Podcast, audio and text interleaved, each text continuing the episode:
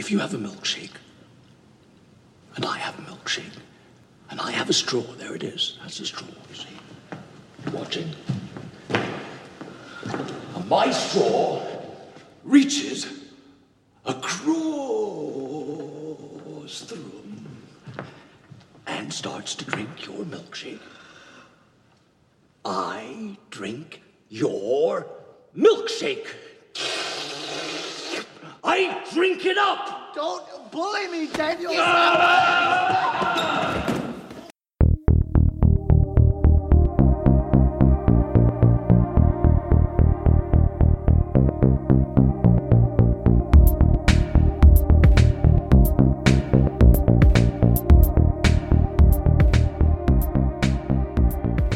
Hei og hjertelig velkommen tilbake til Filmfeber, podkasten som tar for seg ulike sjangre og epoker fra filmhistorien. Jeg heter Pål Gundersen, og i dag så skal vi ta for oss vår første regissørepisode.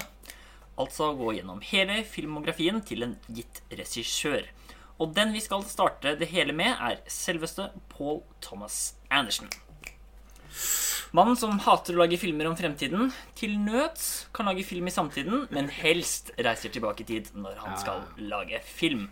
Og med meg til å diskutere politi har jeg rett og slett med meg de to andre fra Filmfeber. Per André Nilsen Hallo. og Tommy Larsson. Ah, Halla. Kjør. Da er vi i gang, og det er altså Paul Thomas Andersen som vi skal prate om. Men ja, vi kan snike inn litt sitt siden sist, kanskje. Men ta det litt kortere enn eh, vi pleier, siden det blir litt lengre episode nå med åtte filmer. Ja, jeg har ikke Jeg har jo prioritert å se mye av PTA, men Ja. eh, kan jo snike inn at i påska så ble det en liten titt på eh, Mel Gibsons The Passion of the Christ Oi, for første gang. første gang, ja. Ja, Jeg ble tvunget til å se den i konfirmasjonen, tror jeg. faktisk. Så sånn der kristenleir i konfirmasjonen da jeg var 14. Det var drøy, drøy kost. Jeg skulle ikke tatt humanistisk konfirmasjon, for jeg gikk jeg glipp av filmkunst. da Ja. Jeg er ikke konfirmert, så jeg har ikke sett den. Nei, altså Hva skal jeg si? Jeg skal ikke si så mye om den. er jo, det er mye kontroverser kjent rundt den. Av all den sadismen i filmen. Og at den eh, har noen stereotyper. Den har fått kritikk for mye forskjellig. Men det er jo noen åpenbare kvaliteter i filmen. Eh, Det er, jo, det er jo interessant at det er jo ikke noe engelsk. De prater jo latin og hebraisk. Og ikke minst arameisk, som var det språket Jesus angivelig snakka, da, og som ikke Ja. har Hvis jeg ikke tar helt feil, så har det ikke vært liksom uttalt på film før den filmen her, da. Nei. Det var en forsker som uh, fant en mye gammelt fra språket og fikk det liksom opp, uh, og, sånn at de kunne lage replikker ut av det, rett og slett. Det er overraskende at Mel Gibson har tatt Ja. seg tid til det, egentlig. Han er liksom sånn overraskende opptatt av sånn, sånn som i Ja. Apokalypto òg, så er det jo Ja, ja, det mye urfolk og språk Sant. Mm. og sånt, så Men den filmen her er litt sånn uh, Terence Malick møter så-franchisen. Mm. Uh, og ja, den uh, Det er jo den sadismen som går igjennom. Det er på en måte det filmen er. Jeg føler liksom Filmen er veldig sånn isolert. Den er ganske tom rundt. Det er bare den hendelsen og all volden der. Det, føles, det er ikke så mye annet, da. Og karakterene fremstår mer som symboler enn som liksom egentlig ekte figurer. Der vi bare Nå skal vi se at han lider, og så er, i to timer, og så er vi ferdig. Ja, det er egentlig bare det jeg husker. også. Ja. Det var sånn masse tortur og rev nesten sånn kjøttstykker av ryggen etter hvert, og med pisking. Og, Absolutt. ja, jeg husker veldig lite av den. Husker bare at den var grov. Ja. Så så har den et par ting som er litt utdatert med Skal ikke gå inn på det, men det er noen rare sånn tidlig 2000-tallsfakter i klippen der. Og nå har vi litt kattelyder i bakgrunnen her, men det hører litt med.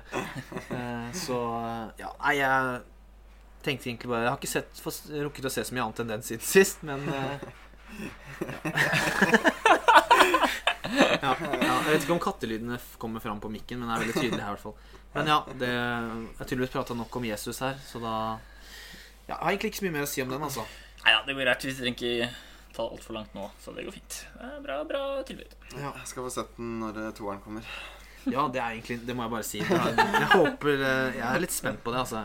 Det, han har jo sagt at det skal komme en oppfølger, og at det skal foregå i helvete. Det, så galt som Mel Gibson er, så høres jo det ut som noe Jeg, jeg løper på kino da, for å si det sånn. Det gjør jeg.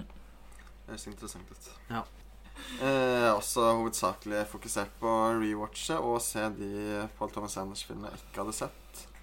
Men eh, jeg kan nevne en eh, filmtrilogi som Tommy tipset om i en av de tidlige episodene. Altså Apu-trilogien Ja. av eh, Rai, tror jeg. Ja, nesten. Nesten. ja, tre filmer fra 50-tallet, da.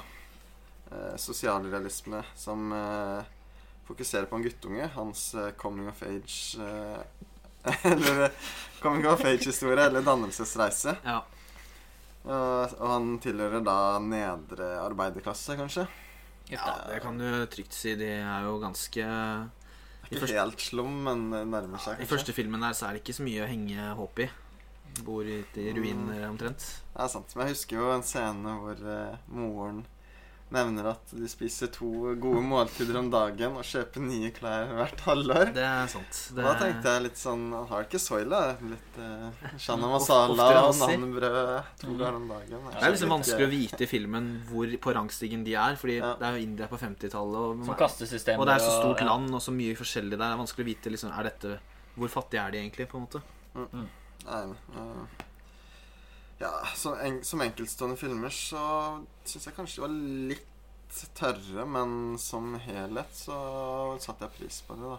mm. Eh, Det er når du først er ferdig, hvor du på en måte Hvor du innser Ja. virkelig hvor bra det er. Synes jeg da Selv om jeg likte jo alle godt. synker litt inn, da. Det, det går da for så vidt an å se været liksom som frittstående, men eh, ja, det er når man først ser hele trilogien man får full glede, da. Ja, Det er jo en del callbacks fra siste film til eneren, og du, du ser på en måte hele reisen hans. Og det er jo litt av det som gjør, den, gjør det veldig bra, syns jeg. Ja. Jeg Som de også- flashbackene i Rambo 5, når du ser alt på den Ja. Men eh, det minner litt om uh, 400 Blows-reisen, uh, Pål. Du er jo ja. veldig glad i den. Ja, den Truffaut fin. og Ja. Adventures Stemmer. of Antoine Duanel heter det vel. Mm. Mm. De må være inspirert av dette. For her også ser man han fra han er uh, guttunge til uh, tidlig 20-årene og gifter seg og holder på, så Mm. Mm. det var det. Nice, bra. Jeg har faktisk ikke så mye å bidra med. Eh, Det har også på meg vært en gjenganger her. Jeg har sett mest eh, Paul Thomas Andersen. Så jeg kan nevne en kjapp. Jeg så eh, Cool Runnings med Per. For det begynner å bli en stund siden nå. Men er altså selveste John Candy som en aldrende bob-trenerekspert, er det vel det blir, som skal få fire eh, jamaicanske sprintere til OL i bob. Fordi de mm, skulle prøve å bli med i sommer-OL med sprint, og så var det en som trynte og liksom ødela for de andre. Altså alle falt. Så det var egentlig veldig mange gode, store talenter som ikke fikk bli med, for de fikk ikke en ny sjanse. Og da tar han John Candy, da, som bor i eh, Jamaica, og får de til OL i bob, da. Og ja, det er underholdende nok, men mangler kanskje det lille ekstra for at den skal bli sånn ordentlig morsom. Eh, det er kanskje min tanke rundt det, da. Ja, den var kanskje litt barnslig. Følte Ja. Det er en film man hadde vært veldig glad i hvis man så den. Det er Disney, er det ikke det? Ja, og Hans Zimmer er ganske morsomt sånn soundtrack, faktisk. Jeg husker vi lo litt når vi Ja. så det i åpning credits. Er det litt sånn Jamaica-inspirert, på en måte? Og litt Løvenes Ja. konge. Litt Løvenes konge-aktig, egentlig. Ok, Som er i Kenya, da. Men ok. Ja. Eh, ja, og så er det en litt morsom far som er veldig streng og prøver å sabotere og sånn, da. Han lager litt ekstra krydder i filmen, men ja, det, er, det, er ikke, noe messy. Det er, det er litt tynt på sett siden sist. men uh, hvis dere har lyst til å sjekke den ut, så gjør det. Han, John Candy er jo alltid morsom. Han er jo en morsom fyr. Han er morsom, men han er ofte veldig lik i Ja. stort sett uh, i de fleste filmer. Han er sånn type actor. Svetta greit. Han svetta helt sjukt på det den baren ass, når han etter å ha spilt biljard og slått en runde dart, så var det ikke mye krefter igjen. Så var det sånn strøk han ikke med året etter eller noe? Ikke noe sånt Jo, dessverre. Ja. Ja, Han var ganske sliten. her. ja. Han døde tidlig, han. Mm.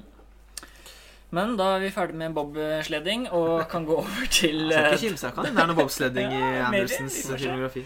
Men det er altså, vi tenkte vi må ha en regissørepisode. Det har vært Ja. morsomt. Og da kunne vi i hvert fall ikke begynne med Woody Allen, som har en milliard filmer. Men Nei. Paul Thomas Anderson han har åtte ja, i hvert fall gode, relativt gode filmer, så tenkte vi da, da prøver vi oss på han. Så først så kan vi jo bare ta en liten runde på om vi har noe forhold til han fra før av. Fordi det har jo både vært rewatch og nye syn på oss. Ja, jeg kan begynne. Eh, forhold til han Han har alltid vært sånn Jeg oppdaga The Will Be Blood først. eh, Mm. Og ble jo ganske bergtatt av den. Selv om jeg så den på en måte litt for tidlig. Jeg var litt for ung når den kom ut, og jeg skjønte ikke helt greia. Men jeg merka at det var et eller annet jeg likte godt. Og så har jeg egentlig sett stort sett de nye som har kommet etter det, når de har kommet. Eh, og gått litt tilbake også, så Magnolia når The Will Blood kom ut. Eh, mens nå, eh, når vi bestemte oss for dette, så så jeg da de to første Sydney og Boogie Nights for første gang. Ja. Så nå har jeg fått et litt sånn totalt overblikk, da. Og når man ser de fleste i kronologisk rekkefølge, så ser man jo Det er litt ganske interessant å se utviklingen hans, for det er, my- det er et, mye forskjellig som skjer, egentlig. Det var bra. Det er vel det jeg vil kanskje si sånn hovedsakelig. Ja. Hva med deg, eh, Per? Eh, En litt lignende, egentlig. Eh, også sett noen filmer han for ganske lenge siden og var imponert, men utsatt han veldig lenge pga. ofte lange spilletiden på filmene hans. da. Ja. Mm. Selv om det var åtte filmer, så er det jo ca. Like, lang- like mange timer som Woody Allens filmografi. Men eh, ja, så så jeg noen flere for et par år siden. Eh, Den, eh, da så jeg Boogie Nights av Sydney. Ja. Mm. Mens nå tok jeg de siste hullene, da, som var uh, Inherent Vice, Phantom Thread Og Magnolia. og Magnolia. Ja. Ja. Mm, sant. Nice. Ja, jeg husker faktisk ikke første jeg så, så det kom jeg ikke på på stående fot. Men jeg hadde faktisk sett alle, men veldig spredt over veldig mange Ja. år. Og det jeg kanskje satt inn med meg, at jeg likte mange av de, men det var liksom vanskelig å få litt grep på han. For at han liksom skulle bli sånn ordentlig sånn favorittregissør. Så for min del så hjalp det nå å se alle på sånn relativt kort tid. Jeg lurer på om det var kanskje to måneder siden jeg begynte som første. Ja. Eh, Så jeg syns det hjalp litt. Og jeg vil si, jeg kan røpe kjapt at det ble en positiv måte for meg. da Så jeg liker han bedre nå enn før vi så alle disse filmene. Når man har sett det over mange år, så er det helt enig, det er liksom vanskelig og Hvilken var best Ja. egentlig igjen? Fordi mange av de er ofte, selv om de er memorable, så er det ofte liksom Hvordan var den igjen? Og det er ofte, kanskje særlig senere i karrieren, så er det litt sånn Litt sånn, Plotten er ikke nødvendigvis det viktigste, og det er på en måte mer eh, hvordan det er laget. Og Det er liksom litt vanskelig å få grep rundt det. Ja, og en viss likhet med Kubrick er at han på en måte har sånn helt forskjellig sånn type hva en film skal handle om. da Det er også en litt sånn ting at han Med kanskje litt unntak av starten, noe som er litt nærmere, så er det ofte sånn, bare sånn noe helt annet. Og det gjør det kanskje litt vanskeligere når du ser det mellom flere års mellomrom hvem du likte best, da. Ikke like varierende i den grad at Nei, Han har stort sett en dramafilm, mens Kubrick på en måte var inne både i krig og science fiction og horror og humor og sånt. Men det er veldig forskjellige scenarioer. Alt fra pornobransjen på 70-tallet til oljebransjen på tidlig 1900-tall og, Ja. Og alt som er. Så Stort sett tilbake i tid, da, som jeg Ja, nevnte. eller- men, eh, ja, men det er veldig ofte forskjellige steder og epoker og temaer, da. Så Mm.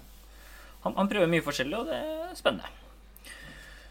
Så kanskje vi rett og slett skal begynne med den første filmen. Det er da Sydney, eller også som den blir kalt Hard Eight.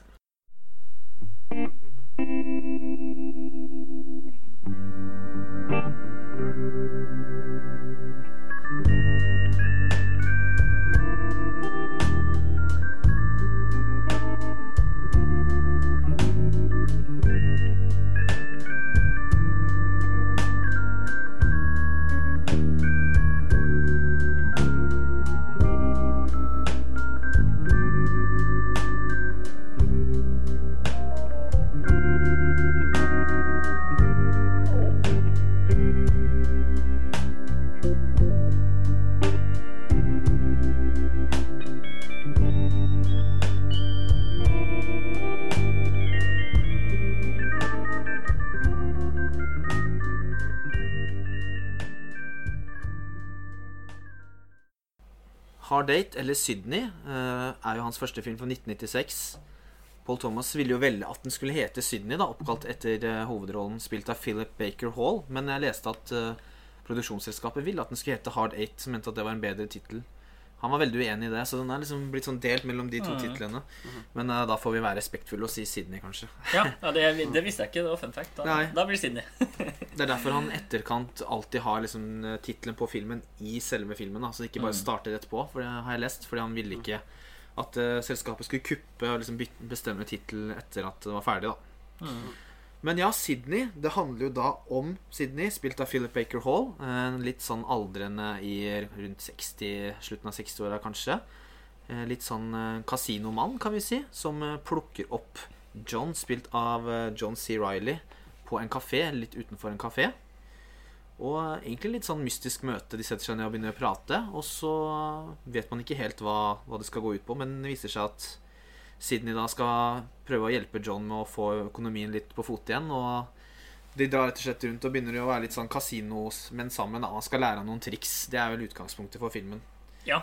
Egentlig litt sånn merkelig start, egentlig. Sånn unaturlig at bare kom en fyr Ja. bort og liksom skal hjelpe han og Men det syns jeg han klarer bra å spille på at uh, han, spiller, han John C. Spiller jo veldig overrasket og er skeptisk i starten. Jeg så et sitat fra, fra Paul Thomas Anderson om at han eh, mente at bare sett to eh, karakterer sammen på kafé, så får du en historie automatisk. Og det var liksom litt utgangspunktet, da, at han ikke helt visste hva filmen skulle handle om. Og det er litt morsomt, fordi han lagde jo en kortfilm før denne som heter Coffee and Cigarettes fra 93, som bare er folk som sitter og prater og drikker og Og han Baker er med i, faktisk. ja, drikker drikker kaffe og sitter på en kafé. Så det at denne filmen da starter med det, er på en måte litt sånn Vi får ta det derfra, på en måte, da. Ja. det er kult. Og en som må stjele litt showet for min del, er jo Samuel L. Jackson. Som ja, Jeg er veldig glad i han som skuespiller, og jeg syns han stjeler showet i de fleste scenene han er med i. Og egentlig sånn overrasket at en debutfilm fikk med han, for dette var nesten når han var på sitt heteste. Det var jo to år etter Pole Fiction. Så det er ganske kult at han eh, ble med i denne filmen her, egentlig. Ja, det kan du godt det kan du si. Philip Seymour Hoffman og litt lignende liten, veldig liten rolle, riktignok. Ja. Men han var jo med Men han var også. kanskje ikke så kjent på den tiden? Nei, han var jo Nei. ikke det. For han hadde jo ikke vært med i uh, Pulp Fiction og sånt. Så Og Gwyneth Paltrow også ble jo mer kjent etterpå. Så Ja. det var mange som liksom ble skapt rundt denne sammenkomsten her. da Baker er jo i Seinfeld, altså. Han var jo litt kjent. ja, Baker. Library Cop. En episode. Mm. Ja, hva skal vi si om selve filmen, da? Den er jo litt sånn uh, Det er interessant som en debutfilm når du ser i kontrast til de andre filmene hans. da Den, har jo, den er jo litt enklere. Det er den enkleste filmen hans, kanskje. Ja. Samtidig ganske visjonær til å være en sånn smal, lite budsjettfilm med så små rollefigurer, vil jeg si. Mm. Den er ganske kul, på en måte. Coolness. Syns det minner litt om Cohen, egentlig. Det er mye Cohen og litt Scorsese, føler jeg, i plottet der. Med, det er jo ganske tidlig en ganske sånn long take rundt i kasinoet. Den er kul. Ja, Ja. Og der, da føler du at det er litt Goodfellas på minibudsjett. Og Eller Casino, da. det kan du godt si. Det, det er godt poeng, egentlig. Ja. Den hadde jo akkurat kommet ut i 95, så den var sikkert ivrig der. Og litt også, også litt sånne unike ting som man ikke har så mye annet uh, tidligere. At han har en del sånne tilbakeblikk. Enten fra scener som allerede har vært i filmen, eller bare at han tenker tilbake. F.eks. denne scenen med disse fyrstikkene som tok fyr. Så ser du han er tenker tilbake morsomt, ja. og Det er jo sånn nesten litt mer sånn sitcom-serieaktig element. Som i hvert fall han Jeg kan ikke, nesten ikke huske å ha sett noe særlig i andre filmene hans. Det er litt sånn Sant, morsomt grep. Ja, I starten her når Ja. du sitter i bilen og begynner å fortelle Jeg, jeg, jeg, liker, jeg bruker aldri fyrstikker, for det tar fyr i lomma mi. Så ser du Mm. plutselig veldig sånn morsomt kutt av at uh, det tar fyr. Han står i Fyr, han står Og så er det bare sånn fem sekunder, så er det tilbake Ja. til bilen. Mm. Mm. Ja, det er den coolnessen, og det føler jeg Det er det som preger filmen, først og fremst. Ja, Og så har den bra driv, syns jeg. Den er på en måte underholdende hele veien. Den handler ikke om så mye, men det den handler om, tar den seg god tid til å klare å lage spennende. Da, for den har jo på en måte ikke den Det kommer jo mye tilbake til, men den, liksom den Paul Thomas Anderson-grandiositeten som det kan være i filmen hans, den har han jo på en måte ikke her. Det er jo ikke så mye fokus på sånn eh, produksjonsdesign og kostyme og sånn som det kommer en del senere, men ut ifra at det er en kort, enkel handling rundt et kasino, så syns jeg jo den er spennende. Sånn dette med Veldig bra, som jeg nevnte, dette med Samuel L. Jackson som kommer inn som en sånn motvekt. Og veldig tidlig er han Baker sånn skeptisk til han, da, men det kulminerer jo mer etter hvert. Og det er sånn fin karakterbygging. Ja, så filmen klarer å overraske flere ganger også. Mm. Eh, ikke, jeg vil kanskje ikke kalle det twister, men eh, det skjer jo en del ting som eh, ikke jeg klarte å forutse, i hvert fall. Ganske Mm, brå, brå vendinger i historien. Ja. Det er jo rett og slett Den er på en måte en miniversjon av det vi får se senere i Boogie Nights og Magnolia i litt mindre skala, rett og slett. Mm. Og Jeg syns den er veldig velregissert og fokusert til å være liksom, debutfilm, lavt budsjett. Og Mm. den, den klarer virkelig å Man får liksom man, Jeg syns i hvert fall Philip Baker Hall sin Sydney var en veldig Han var kul på en litt original måte. Han var liksom ikke sånn tøff i trynet. Han var litt sånn rolig, mystisk. Hva er det med han her? Mm. Hvorfor tar han John C. Rileys karakter liksom under vingen sånn her? Mm. Så kommer Samuel Jackson inn, som er på en måte The tough guy, da. Mm. Men han blir på en måte en litt sånn motvekt, som du sier. Og han er litt sånn kritisk til liksom Han mener at uh, Baker er litt for moralsk, på en måte. da Mm. en sånn, uh, Det er jo litt plystring etter damene inn på kasino og Philip Baker Hall Nå sier jeg det helt ja. igjen, jeg bør vel si Sydney, da. Ja. Men Sydney er mer sånn ikke, Vi skal ikke ha noe av det tullet her med mitt bord. Ja. Når Jackson plystrer på Gwyneth Paltrow og Mm. si, har noen morsomme sitater eh, rundt bordet der, så vil, er jo Sidney litt sånn motvekt der. Jeg syns han var litt kul på en litt sånn original måte. Minte ikke som så mange andre rollefigurer i en sånn film. da Mm. Ja, han er liksom mystisk, og, og så får du veldig inntrykk av at han, uavhengig av om han egentlig kan det eller ikke, at du bare føler at han kan alt. Ja. Så John C. Reilly blir nesten sånn, sånn barn i forhold. Sånn, nesten sånn, Kan jeg komme og låne penger og alt? Uansett hva det er, da, så skal man spørre om han. Og så får jo man vite mer om Sidney sin bakgrunn etter hvert, og sånn òg, da, som bygger tilbake på det. Men ja, jeg syns det var en sånn kul reise rundt Sydney, da. Så Han er veldig Sydney er en veldig farsfigur ja. for John C. Reilly sin karakter. Og det er jo noe som åpenbart kommer senere i Boogie Nights og Magnolia også. Dette med forel eh, relasjon til foreldre, da. Familierelasjon er et veldig sånn, stort tema i filmene hans. Og det, Faren til Paul Thomas Anderson døde jo året før Sydney kom ut, leste jeg. Og han, når han eh, ble kjent med Philip Baker Hall og kasta han i de tre første filmene, så fikk de litt sånn far og sønn-forhold også. Så det er litt interessant at han er en veldig sånn stødig farsfigur i filmen nå, da. I hvert fall litt fram mot slutten, hvor det skjer andre ting. Jeg vet ikke om vi skal gå inn på det, men Eh, om vi er i spoilerland. kanskje ikke trenger å spoile den her. Vi kan kanskje gå videre til neste nå? Vi kan, vi kan bare si at det er en utrolig kul film hvis man liker Cohen, Tarantino, og Scorsese og Ja. Og det er en debut i tillegg, og det syns jeg er veldig viktig. For det er sånn Jeg syns det er faktisk sjelden at uh, i hvert fall debuter er så gjennomførte, da. Synes ja. Veldig kul Så- sluttscene med inni en bil og i en leilighet helt til slutt, Ja. vil jeg si. Ja, Så det er liksom der han har minst med, men på ingen måte sisteplass for meg av Paul Thomas Andersen. Nei, ikke for meg. Da kan vi gå videre til eh, film nummer to, Boogie Nights.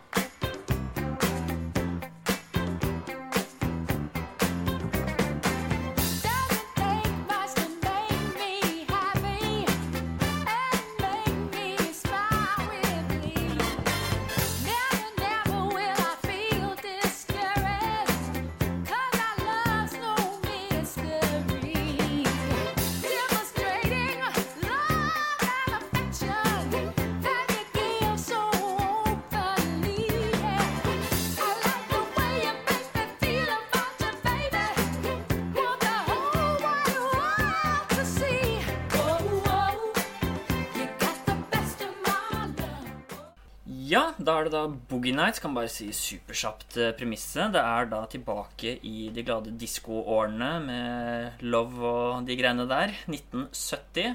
Mark Wahlberg, ganske ung i rollen som Eddie. Som da senere blir Dirk Diggler i pornobransjen under da Burt Re eh, Reynolds. Som da ble Oscar-nominert i rollen som Jack, som da en pornoregissør som finner han da. Og ja, jeg elsker denne filmen. Det er nok min andreplass av Paul Thomas Anderson. Og mye bare at den er så sykt underholdende, og jeg syns den er nesten litt sånn unik. Den er leken Den mest lekne filmatiske filmen hans, nesten. Og to timer med svevende kamera, masse fester opp og ned til litt annen slutt, men den kan vi jo komme tilbake til etter, da. At ikke denne filmen engang var nominert for beste foto, er en mm. skandale, rett og slett. ass. Det må jeg bare si. Det er ganske utrolig. Greit at Titanic uh, swipa det året her. Sweepa heter det. Men uh, Jesus Christ-nominasjon Ja, det er helt krise, rett og slett. Her skrus det opp. Her, uh, Hvis ikke vi er i mesterverkland i forrige, så er vi i hvert fall det nå, spør du meg. ass. Og det kameraet liksom, det bare er overalt. Det kommer inn gjennom festen og følger folk som gjør så mange, så mye statister som er velinstruerte til å gjøre ting. Og så er det en scene hvor til og med den følger en, er det, en dame som hopper ned i vannet. Og så går kameraet under og følger inn der. Og, og det er her han begynner på noe som han også får mer av i Magnolia. Hvor han eksempel følger en fyr i lang long take, nesten litt sånn De Palme-aktige shots. Og så plutselig kommer det en annen person forbi, og så bare snur kameraet og bare følger den ut igjen og ut Ja. i festen. Og det er så gjennomførte tagninger, da. Og i tillegg jeg er jo veldig glad i sånn 70-talls boogiemusikk. Og for noen kanskje blir litt mye, men jeg syns det er så gøy. Og det bygger mye opp på at det er fest og moro hele tiden. Det, er, det tar ikke lang tid mellom de 70-tallsslagerne da, når det er disse festene i starten. Utrolig underholdende og fantastisk eh, soundtrack. Det er skikkelig Goodfellas-stemning, føler jeg. Da. Det er det sånn mm. filmatisk sett, da, med den Ja. eh, longtaken i den filmen inn på den restauranten. Bare at jeg vil si at det er faktisk enda mer imponerende her, altså. Og du tenker på åpningsscenen? Ja, åpningsscenen, men også Den den med bassengscenen du var inne på. Ja. Og, og filmen åpner jo med en enorm long take som er jeg tror ganske inspirert av Touch of Evil, hvis noen har sett den. Som har også en Ja. ganske lignende lang Mm. longtake der. Begynner opp med det liksom eh, Hva er det utafor kinoen eller noe sånt? Er det ikke det? Ved siden av? Eller Ja. noe sånt. Og så går den ned gaten, og så inn til noen som venter og går på kø, og så går de inn Ja. I diskoteket, og selv der går den rundt i sirkler med en dame som går på rulleskøyter og inn til en eh, prat og ja, Det tar helt av. Det er også split screen med fire skjermer et punkt i filmen. Mm. og så det filmatiske er bare helt Helt på topp. Lange scener som følger karakterene rundt, som du sier. Og det er for en verden å være i, rett og slett. Det er så god flyt i den klippen og kamera. Bare fokus på gøy og moro i starten, og det bare går bedre og bedre for Eddie og Nei, det er utrolig kult. Hva syns du, Per? Husker, husker du av den, selv om det er litt litt siden du har sett den? En av de jeg ikke fikk rewatcha, så var, Ja. minnene er litt blurry, for det er så utrolig mange karakterer Ja. og sidehistorier. Ja, det skjønner jeg. at liksom, Det er ikke alle der man husker like godt. Men jeg uh, husker også at uh, jeg var sånn uh, veldig imponert når jeg så den. At eh, oi, hvorfor har jeg utsatt denne så lenge? Det var så gøy å følge med på. Teknisk høyt nivå. Vi sammenligna den jo litt med Tarantino, eh, forrige. Og jeg vet jo at dette er hans eh, favoritt av Paul Ja. Thomas Anderson. Han det gjør et eh, Mm. grep her som jeg ikke tror vi ser i de andre filmene. Altså at han eh, omskriver historien, sånn som Tarantino elsker. Mm. Eh, slutten tenker jeg på det, ikke at man skal spoile den, men filmen handler jo også ganske mye om eh, konsekvensen av at fysiske format kommer. Mm. Sant det? Mm. Og denne filmen klarer jo liksom å vinkle til at det ikke ødelegger for eh, Eller finner en løsning på, at, Mm. på å redde pornobransjen. Så det er jo litt eh, Det er den morsomme Sidney sånn fra forrige film som sniker seg inn der og skal snakke om formater i en eh, festscene. Ja, Han er jo med her òg. Philip Ja, Baker Hall. Kommer veldig scene. sent med. Det var en veldig lang film. Men det er Ja, han kommer langt inn i filmen. Da. Ja. Mm.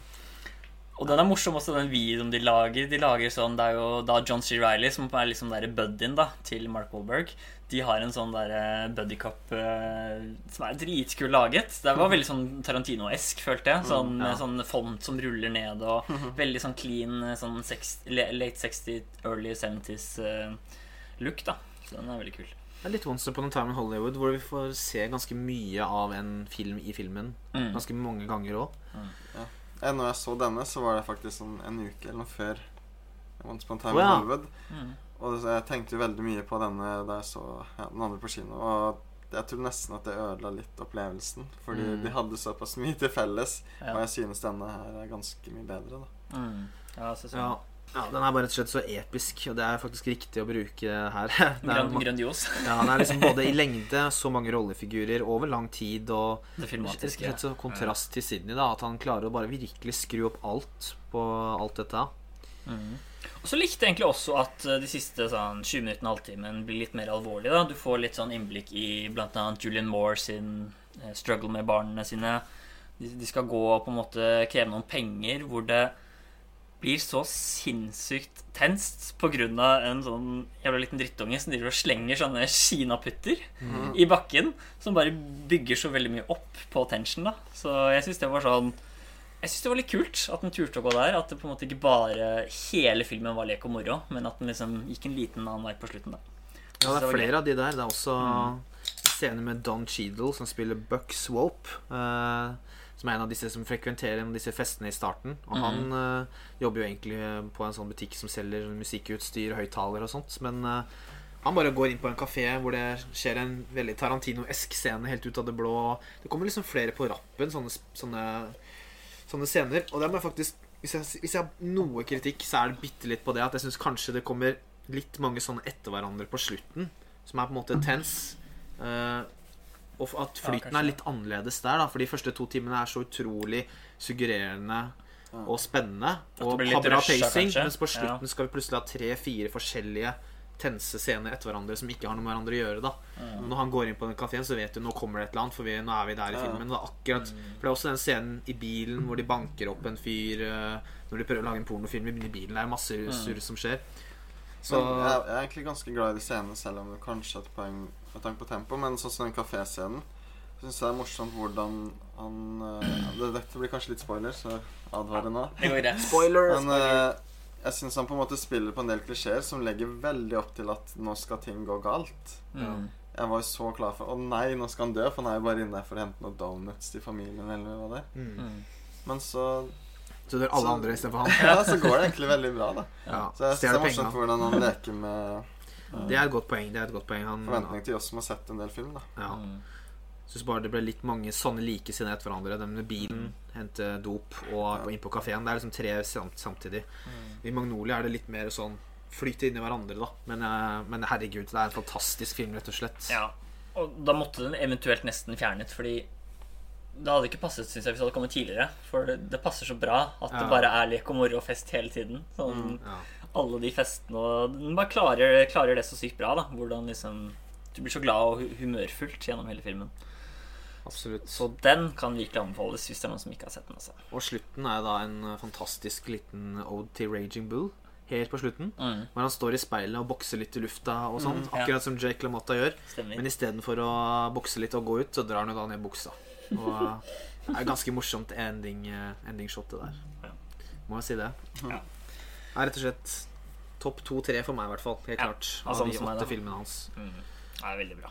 William H. Macys karakter, det er jo da en litt sånn stakkarslig kar som jobber i, i, på pornosettet. Ja, stemmer det. Og han har jo en helt fantastisk liten historie i filmen, og ja, dette er jo da spoiler, men uh, Ja. en scene på en fest hvor det, det, den er, det, er, det er kanskje en av de beste scenene i filmen, syns jeg. Men det må nesten få med forhistorie nå, da, fordi Ja. han er en dame som uh, hele tiden er utro med han. Og ikke For bare han. det, hun liksom kjefter på han nærmest for deg. Han, han er ja. virkelig gjør en det på gate på fortauet, liksom. ja, ja. Han er virkelig en fyr som blir så sinnssykt eid, da. Og så er det jo en av de derre Ja, igjen, da. Sinnssykt lange longtekene hvor du bare følger han går på nyttårsaften. Han bare har fått nok og bare plaffer ned kona og bare Det er helt sånn ja. Hele det taket der er helt Mens de teller ned til nyttårsaften, så går han inn, skyter, går ut igjen forbi alle, Mm. og så tar han seg selv. Og så eh, tar han selvmord etterpå, og så klippes det liksom Jeg husker ikke akkurat hva som er etterpå, men det klippes til noe helt annet. Ja, det var liksom, fram i tid, i det er hvert fall. En veldig fin overgang der. Rett og slett Ja. Klippen burde også vært selvfølgelig nominert i huet og ræva. Det er jo fantastisk. Ja, Dritbra film. Nei, det var bra. Fikk den på slutten. Ja. Da går vi videre til eh, film nummer tre. Magnolia.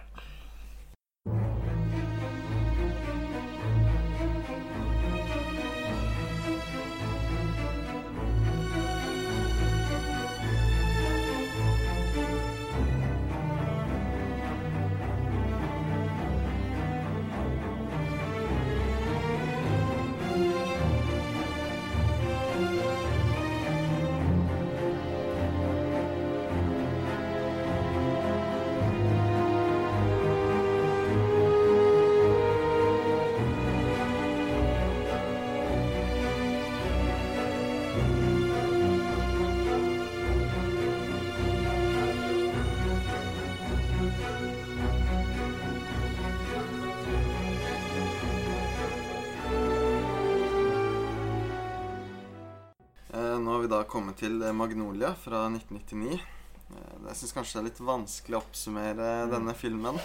Eh, Den er litt ikke rotete, men det foregår veldig mye på en gang. Men eh, jeg kan prøve. Eh, Vi følger da en ganske mange karakterer. Ett Ja. døgn i LA. Og man kan kalle dette en flettverksfilm, eller eh, en film som fokuserer mye på butterfly-effekten. Hvor eh, alle karakterene har en tilknytning til hverandre på et eller annet vis. Og hvor den ene hendelsen forårsaker noe hos en annen karakter, f.eks. Og den fokuserer veldig mye på barndomstraumer. da. Mm. Ja. Og man får både se barn som opplever det der og da, og voksne karakterer som, eh, ja, det, ja. som eh, Mm. strever med ting de opplevde i, som små. da. Ja. Og så er det kanskje den filmen som var mest rein eh, noensinne, sammen med Godzilla 98.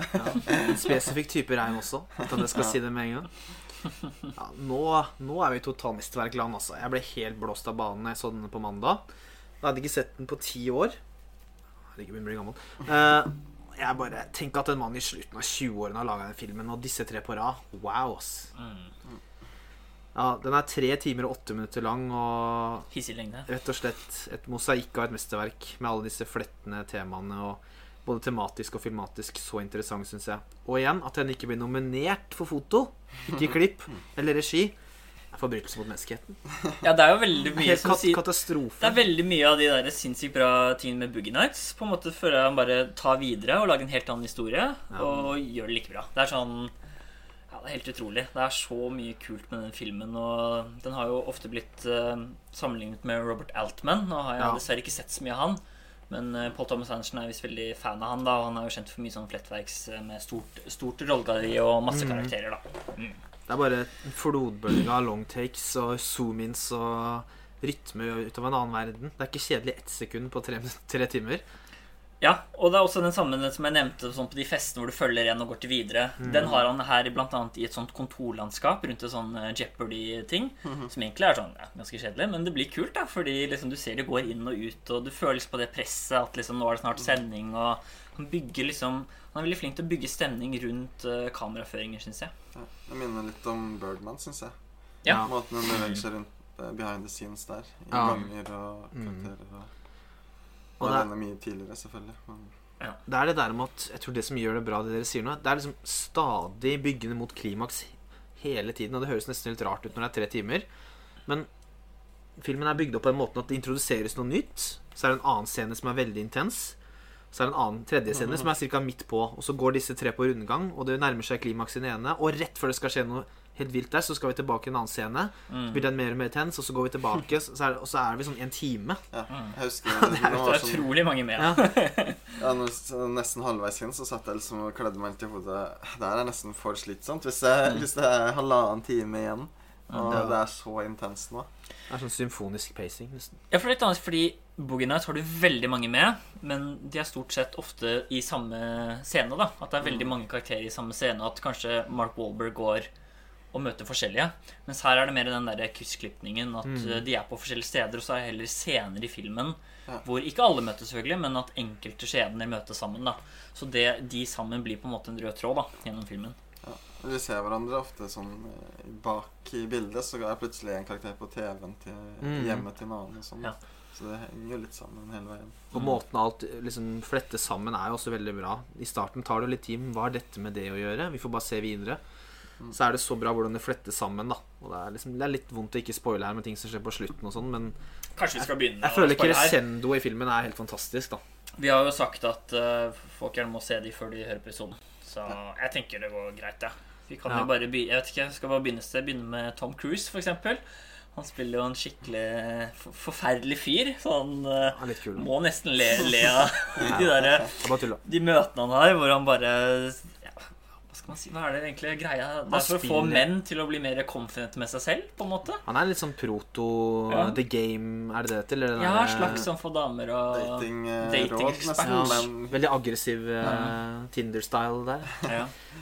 Men det som er bare, bare sånn, ikke for å foregripe, men det som er på en måte Det som gjør det interessant, syns jeg er den selve åpningen på filmen, som er en sånn liten Nesten sånn kort, liten greie, men sånn fortellerstemme som bare braser inn med masse info. Mm. Viser masse sånne små klipp, og som du merker ikke er en ekte stumfilm, fordi det er jo filma i den Anderson-stilen med de zoom-ins og kamera som snurrer og sånn, men viser på en måte hvordan Hvordan tilfeldigheter er reelle, da. Mm. Og så, hvor vi så får et eh, Hvor vi går til present day, og vi ser en fyr hoppe ned fra et vindu Ja. for å ta livet sitt. Samtidig som inn i den blokka blir et eh, eh, sk- skutt et eh, skudd ut som treffer han, som er det som dreper personen som hopper ned. da ja, for han døde av Ja. skuddet før han landet på bakken. ja. Og det er masse piler og forklaringer, og vi, Ja. vi går tilbake, og det er sånn Det er jo veldig rart, men jeg, jeg likte det personlig. Men Jeg kan kanskje skjønne at noen blir satt ut av det, men jeg Ja. synes det var en veldig kul start. På bare sånn, ok, Nå blir vi kasta inn i noe veldig spesielt, men du føler han har kontroll, da, regissøren, gjennom det han gjør. Den, Og det er gjennomtenkt. For den snakker så veldig mye om alt det andre som skjer etterpå. Mm. Eh, Bokstavelig talt. Og det kommer jo noe lignende på slutten. Men det er liksom sånn ja. Så morsomt hvordan den, den er veldig frampekt, da.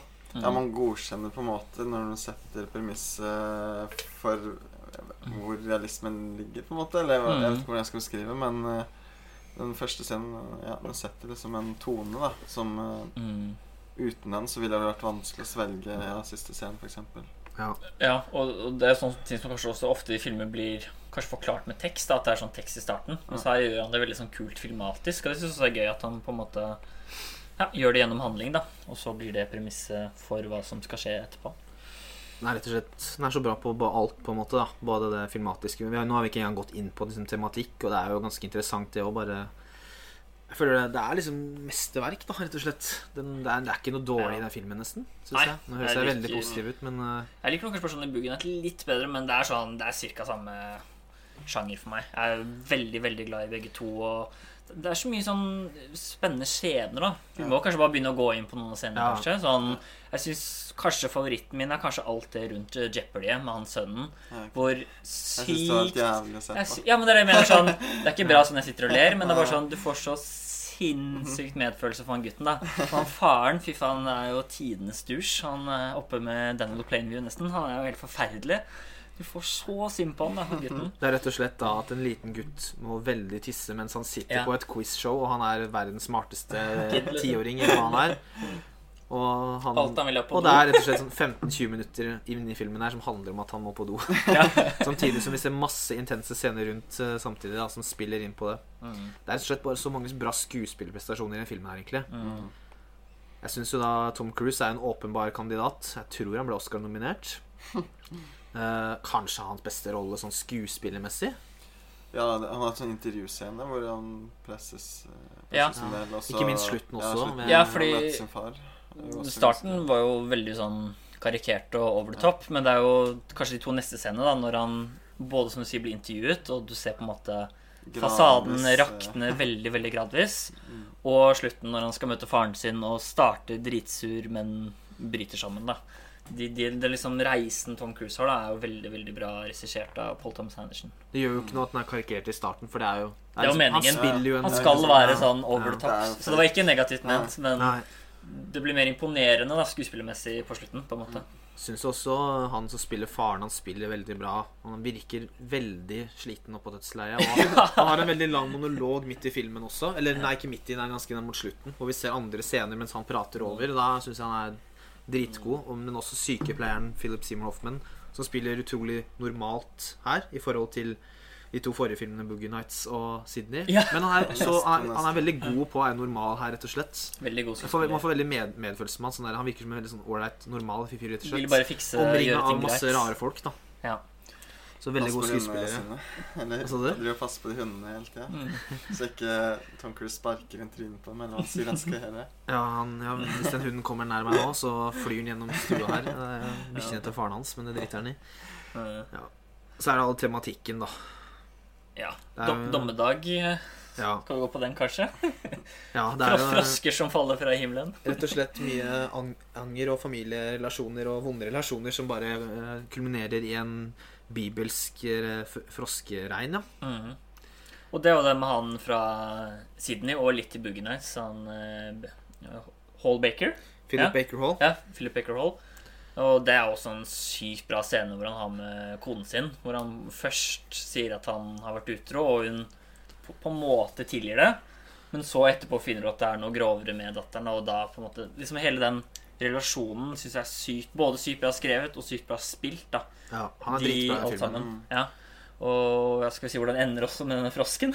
Ja, det er jo en helt Helt cra crazy scene som Ja. eh, speiler første scenen i filmen litt, da. Ja. Er rett og slett at han For vi har jo fulgt datteren hans Claudia ganske mye gjennom filmen. Mm. Som jo dater John C. Reilly litt. Det er jo vi har, det er så mye som skjer i filmen.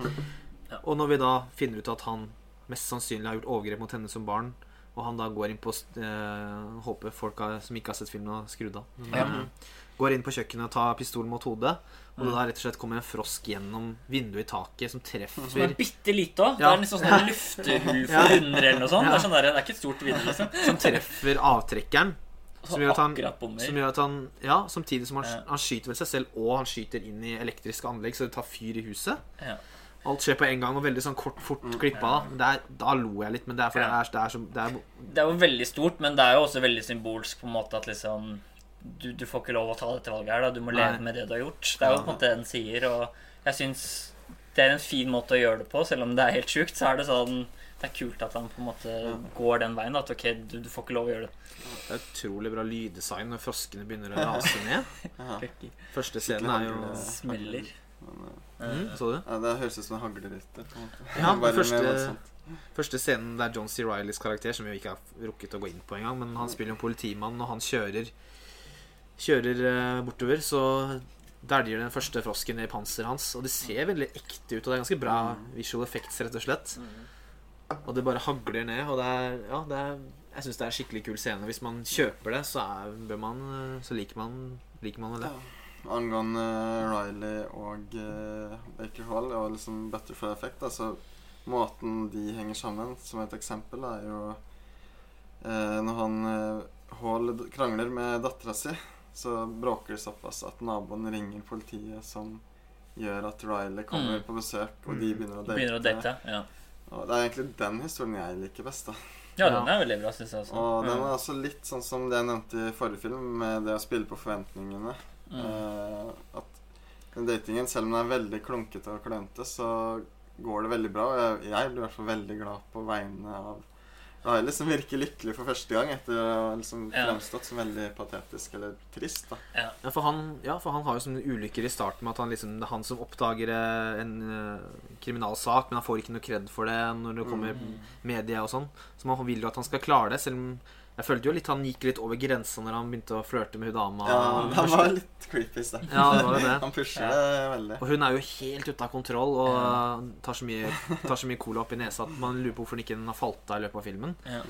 Og det er nesten rart han ikke merker det, egentlig. Eh, Hun er jo helt eh, crazy eh, rusa. Men ganske rørende den restaurant-date-scenen òg, da. Mm. Hvor hun bare totalt legger seg, blottlegger seg, eller hva man skal si. da Bare sånn I'm a fuck up, nærmest Syrien. da Og han, og han er sånn på en så snill og bare Ja, ja, du, du må være stolt av den du er. Og Mm. veldig sånn Kanskje ikke den mest realistiske, men veldig rørende scene, syns jeg. Men sånn som det jeg skal prøve å komme frem til, det med forrige scenen med kafé igjen, hvor jeg forventet han skulle dø Ja. i det sekundet ting så ut til å gå bra for karakteren. Mm. For det er litt samme når han endelig har fått til daten og er så lykkelig. Mm. Så ser han plutselig en kriminell handling, begynner Mm. å følge etter den eh, skurken, blir skutt etter, mister pistolen og ja, alt mulig Det skjer. er liksom Ja, akkurat som forrige gang. da Dette er, Mm. Du er så glad på vegne av karakteren, og nå kommer han til å dø. Ja. Men så skjer det ikke, da. Denne gangen heller. Mm. Så Ja, helt fantastisk. Det er mange rollefigurer vi ikke har fått gått inn på, Ja. for det er så mye bra som skjer. Og William H. Macy, da, som vi nevnte fra forrige film, som uh, tar ta, livet av kona si og så seg selv, han er jo også ganske snål og minneverdig i denne filmen. Mm. Og han spiller jo da en eldre En som var på quizshow når han var yngre, eh, for 30 år siden. Mm. Og det er noen hint i filmen om at han kanskje også kan ha blitt eh, rett og slett over, fått overgrep av uh, Baker Hall sin karakter, uh, virker det som. Han er, veldig, han er veldig usikker, og Mm. han har noen noen hvert fall rare at veldig strenge foreldre kommer det fram. da At de tok alle pengene og var, var ferdig med han, liksom. da Det er liksom litt det at han, han sier at I was, the, I was the quiz kid 30 years ago. Og så får vi også vite at Baker Hall har akkurat vært i game i 30 år. mm. Jeg føler det ligger noe i det, da. Mm. De to karakterene er ganske like, egentlig. Han og den ungen. Det er nesten Ja. som man ser Det er jo Han som voksen. voksen. Ja, ikke sant? Det er jo det Begge som hadde er f- eh, slemme fedre og de tingene der. ja. Mm. Ja. Ja, nei, men uh, very good movie. Skal vi gå videre til uh, neste, kanskje? Det kan vi gjøre. Ja. Da er det altså film nummer fire, 'Punch Drunk Love'.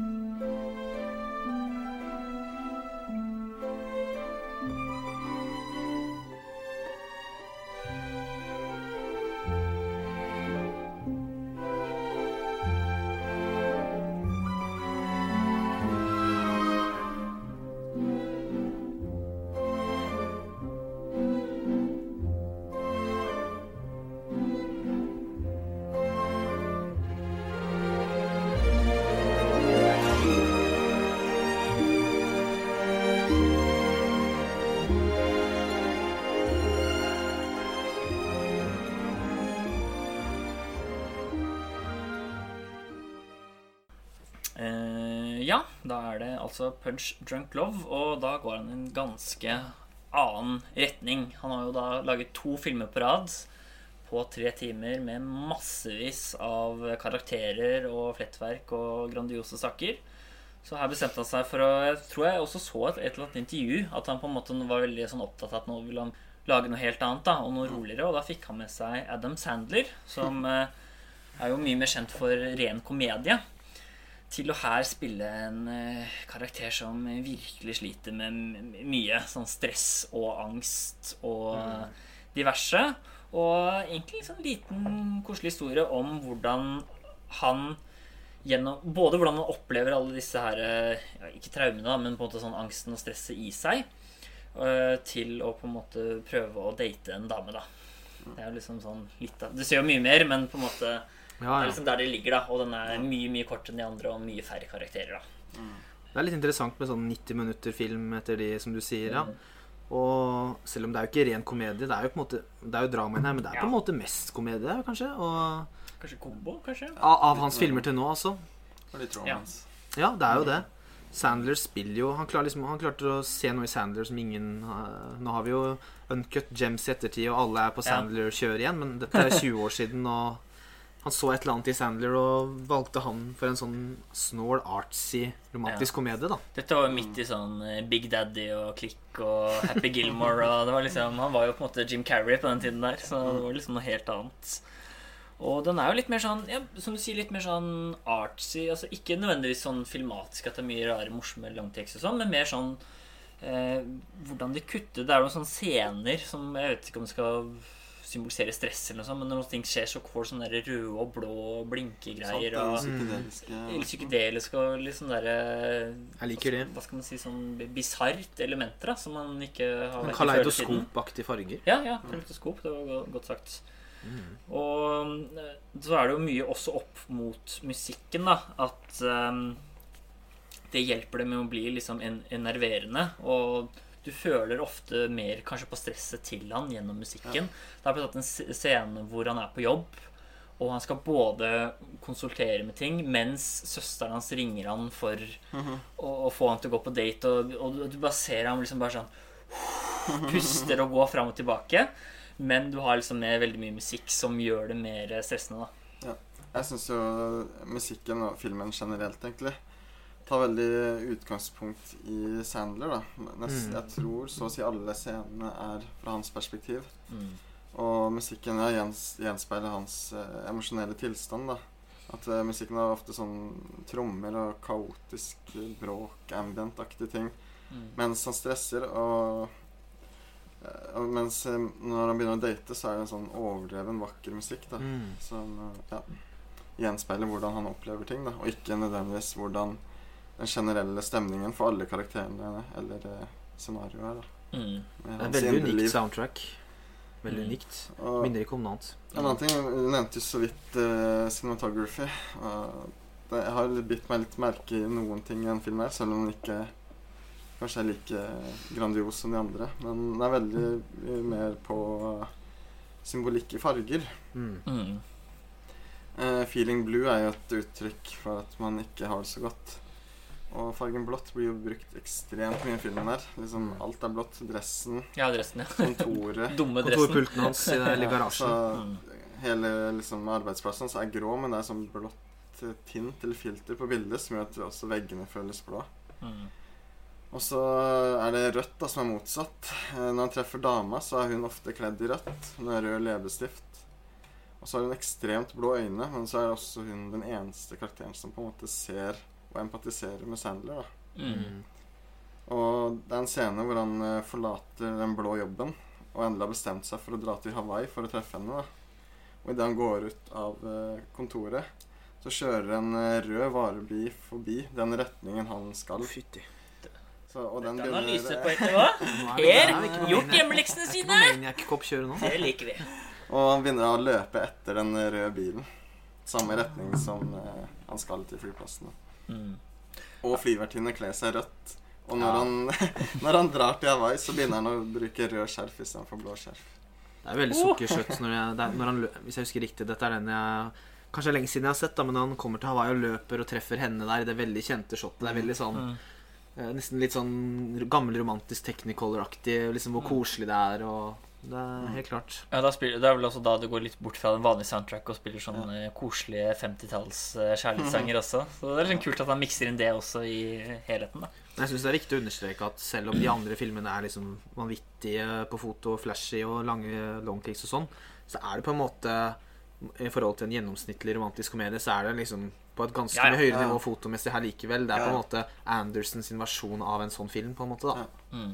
Og så Det er også verdt å nevne at eh, det minner faktisk litt om 'Nattsvermeren' i måten jeg har skutt noen Oi. ganger. Med hvor, plasser, hvor kameraet er plassert i forhold til karakterene. da Som eh, Når han møter hun dama han dater, så er alltid kameraet plassert i øyehøyde. Mens når han eh, prater med søstrene, som alltid har plaga han og holdt nede, Mm. så er liksom kameravinkelen slik at man ser han Man ser ned på han og opp på de, da. På samme Ja. måte som Ja. Nå har du vært på analysekjøret. Får det til å føles som de Nice. to, to huleboere.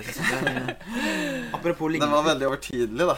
Ja. Det, er ikke ment som kritikk, men det var morsomt med ja, det røde og blå. Mm. Apropos ligne på. Eh, når han går inn til stu, eh, på kjøkkenet der, og det er tusen søstre, og Mm. skravla går Det er litt Woody-aktig. Woody Allen-aktig. Med sånn Mm. Middagsselskap, masse søstre og Jeg tror det er liksom Det er Andersens Woody Allen. Ja, det var litt morsomt, og det må jo være en av de mest fæle søstrene i filmhistorien. Fy fader, så frekke det er med han. Han er jo tiden Det er litt morsomt. Det føles liksom alltid Paul Thomas Anderson har en sånn hakkeskylling. Det var liksom han eh, Han fra Boogie Nights med den koden og så liksom Han får så gjennomgå, og de er så lite sympatiske med han. Og når han kom på den middagen mye frekt du sier til han, liksom. Ja. Bare trodde du ikke skulle komme, du er jo så teit og sånn ingen, ingen av de som er noe hyggelig med han. Stakkars fyr. Nei, han har Ja. ikke så mye flaks i livet. Det er jo også den Når han er så desperat at han prøver å ringe telefonsex. Ja. Så går selv det går sinnssykt dårlig. så dårlig Ja. som det kan gå. Ender Ja. opp med banka opp og skylde penger og ja. Det fører vi så litt inn på kanskje en litt morsom karakter å ha spilt av da igjen. Philip Seymour Hoffman, da. Han har vært med i alle filmene opp til nå. Ja. Yes. Vi har jo ikke nevnt han i alle, men uh, her er han jo en av de mer enda mer framtredende, kanskje. I hvert fall inn i Boogie Nights og Veldig, Sydney, da. veldig skurk. Mm. veldig morsom. Han er jo sånn madrasselger, da. Mm. Det er så lenge siden jeg har sett filmen, så dere får ta over. Men eh, vi driver med dette her på si, da, og blackmailer folk Ja. som driver med telefonsex, som ikke er sånn snuskete heller, for det er jo på en måte i avisen, så han har jo på en måte gjort noe riktig. da Han må jo ha noen organisatoriske ferdigheter, men allikevel da, så driver han og blackmailer og ja, det er- sånn Igjen da dette her med absurditet. Jeg synes bare hele, hele hvordan han blir med i filmen, er jo bare helt sånn What? Men det funker, da. Det er jo det er ikke rart, liksom. det morsom, Det blir en forlengelse av filmen. eh, morsom overspilling, syns jeg, både fra Sandler og Hoffman der. Både først i telefonsamtalen, men også når de møtes og Hvor mange ganger de skal skrike fuck til hverandre der. Og det er, det er overspilling fra begge. Og du merker at Sandler nesten Nesten på en måte blir dårlig fordi det er så mye. Og at Hoffman er mer stabil, kanskje. Men det, det er veldig morsomt, og det passer i filmens univers. da Så det er jo ganske vellykka. Ikke så mye vondt å si om den filmen heller. Altså. Det er kult. Går liksom tilbake til røttene fra den første sånn eh, kjærlighetsfilm, men eh, selvfølgelig et helt annen innfallsvinkel, da. Ja. Jeg synes det minner nesten litt Det kunne på en måte vært koreansk, nesten. Ja, kanskje. I måten den Sandy-karakteren. Den der slitne, undertrykte Ja, gubben er- som klikker litt og banker opp folk.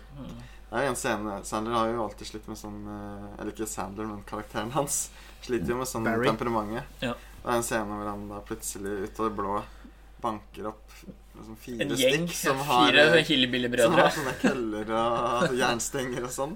Ja, det var veldig sånn Så- Oi! det Da ble det litt mindre realistisk, den filmen. Jeg lurte nesten på om det var sånn drømmesekvens eller ønsketenkning, Ja. men så skjer det Mm. faktisk. Ja. Ja. Men det er jo veldig morsomt. Minna litt om sånn Overboy nesten. Mm. Ja. Plutselig banker Klikker det helt, liksom. Filmen har vel kanskje også en av, en av filmhistoriens mest overraskende bilkrasjer. Eller bare helt ut av det blå snurre på taket i begynnelsen. Det er veldig ut av det blå. Jeg vet ikke om det er et frempek, men på samme sted senere i filmen så krasjer Sandler. Mm. Mm. Så det må jo være det. Mm. Nesten. Plukker opp det der trekkspillet og Ja. Nei, den er snål. Det er jo Kanskje den Nei, ikke den snåleste. Vi kommer inn en film etterpå. Men eh, blant, blant de snåleste, vil jeg si. Ja. Mm. Og selv om den ikke ligner så mye på de tre forrige, så ligner den mer på de enn hva som kommer etter. For det skjer et ganske stort skifte i eh, filmspråket hans etter dette, rett og slett. Vil jeg si. Rett og slett. Ja.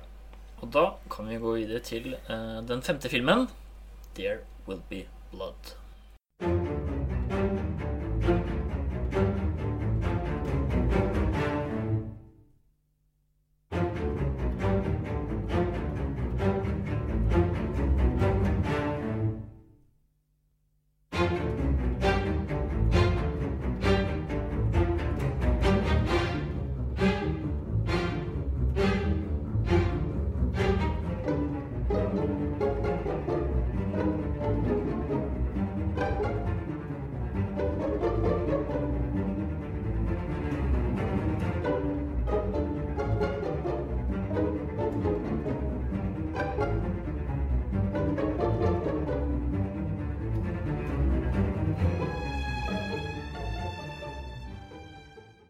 There Will Be Blood er jo da en radikal endring, som vi har vært inne på.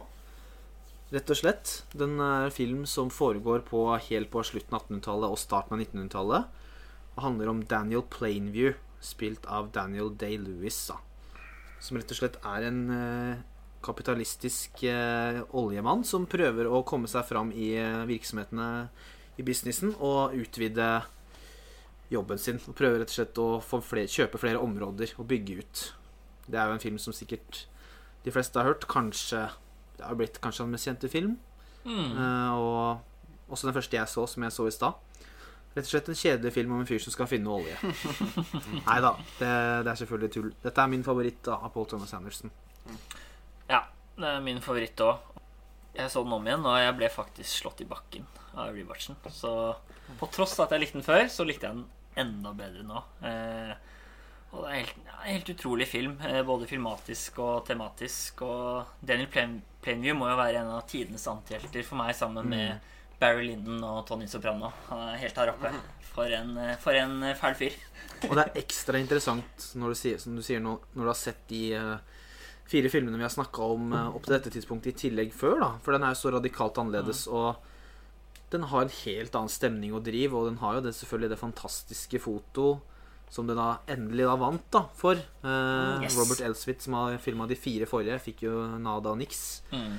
for Boogie Nights Magnolia, som han burde fått. Men nå vant han, da. Og eh, det er jo på plass. Det er jo helt fantastisk kamera. Helt fantastisk. Og klipp og rytme og det, men den er veldig Det er så annerledes, da. Det er mange som har sagt at det minner mer om en Kubrick-film enn noe annet. Det er veldig kjødelig på samme måte som Kubrick, føler jeg. Og på de andre så er det jo veldig ofte synes jeg, på en måte kameraføringen som har vært så grandios. Mens her er det på en måte både det, men også kamerateksturen. Jeg syns det er så utrolig fint bilde, og det er så skarpt og fint. Og han leker så mye med mørk, mørke og lys, og han får Ja. så mye med kamera Fantastisk her, scene altså. hvor det er helt mørkt, og er lille Mm. ansiktet til Plainview i midten der eh, cirka midt i filmen. Og ja, den er helt rå. Og den er jo, som du sier, veldig kjølig, da. Åpningen er sånn veldig brutal. Liksom sånn horroråpning med sånn iskald musikk som minner om uh, The Shining-musikken i uh, Penderecci, mens du ser fjellene og Mm. Et, etterfulgt av en sånn 15 minutter lang scene uten dialog, hvor han bare hogger og jobber og Utrolig kald åpning. Ja, han eh, graver etter sølv, og så skader han seg. Og så klarer han å på en måte få det inn, og så skal han begynne å grave etter olje.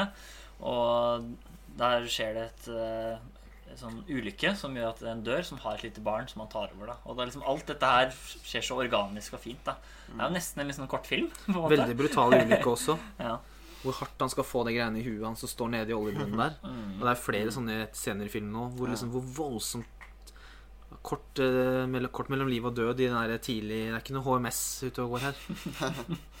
Nei, på ingen måte. Og så må vi også trekke fram eh, både kostymedesignet og produksjonsdesignet. Og da. Det er jo helt rått. Det måte styrker mer det mesterverket. Bare sånn hvor ektefølt det virker. Og jeg har på en måte sett så lite filmer om dette her. Det er å grave rundt og lete etter olje og alt dette med damplokomotiver og kostymer og Det er så sinnssykt gjennomført. Da. Det er ingen som ser på en måte misplassert ut. Sånn du, han der ser ut som han er fra 30 år senere. Det er liksom, alt er så forseggjort da, med hele filmen.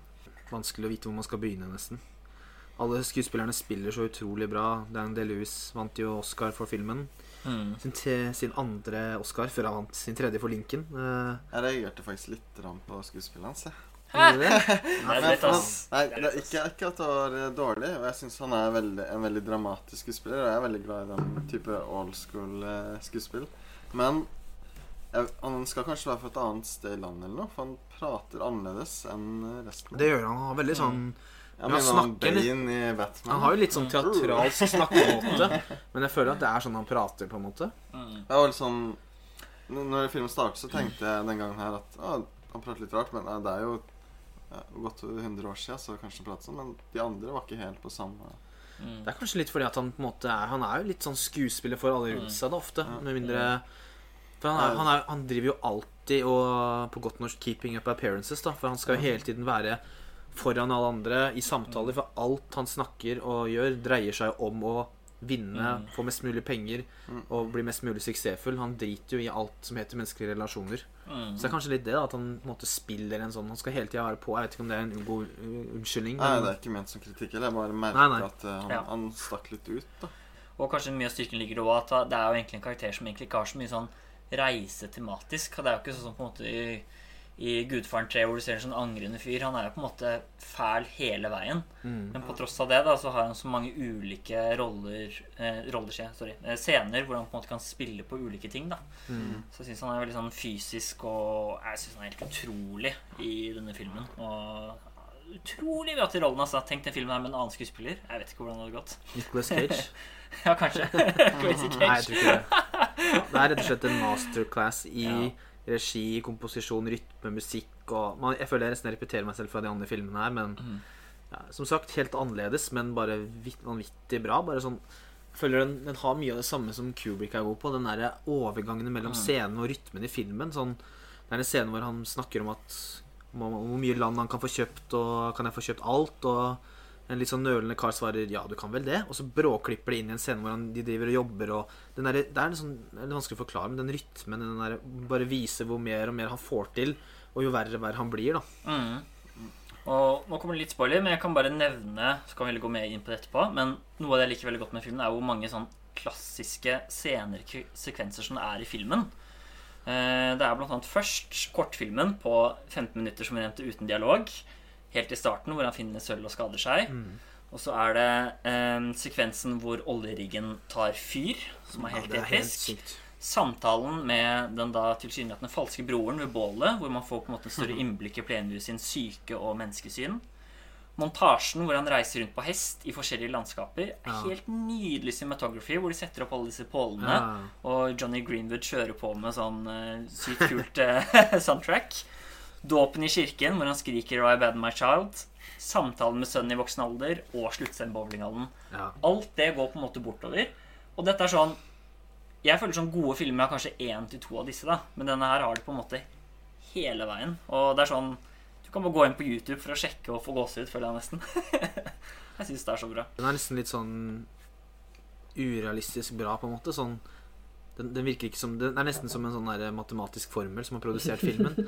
Alle regi og alle kameravinkler og klipp er liksom sånn, nesten sånn perfekt at det nesten blir sånn vemmelig. Ja. Høres kanskje ut som sånn der ekstrem eh, praise, men det er litt det jeg føler når jeg sitter og ser på den. Litt Ja. samme følelsen jeg får med Barry Lyndon. Sånn der, Alt virker så det er, det er veldig sånn matematisk og firkanta, og det er ikke ment negativt. Mm. Det føles liksom Ja. Jeg føler det er det motsatte av hva som gjør filmer som Call Me By Name, som jeg syns er skikkelig bra, for den er så utrolig natu naturlig. Mm. Mens her er det veldig sånn streit og stivt, men bare sånn Det Det høres ut som en kritikk, men det er mer sånn jeg mener, Ja, det er liksom det, Alt er så utrolig tight, da. Vi kan bare nevne noen av de, kanskje, da før vi går videre. Blant annet den oljeriggen. Ja. Hele den sekvensen er jo helt rå. Det bygger seg på en måte opp at de graver, og så er det et eller annet som skjer galt. Så det kommer opp gass kjempehøyt. Og dessverre da, så er jo sønnen der, så han blir jo blåst bortover. Og altså, alt det med musikk og cinematography og skuespill, hvordan han på en måte løper med sønnen, og at dette begynner å ta fyr, og herregud Og her Johnny. Greenwood begynte med den der krakk, krakk, krakk, krakk, den der liksom, der intense ja. musikken sin, da, som vi får senere i The Master og Ja.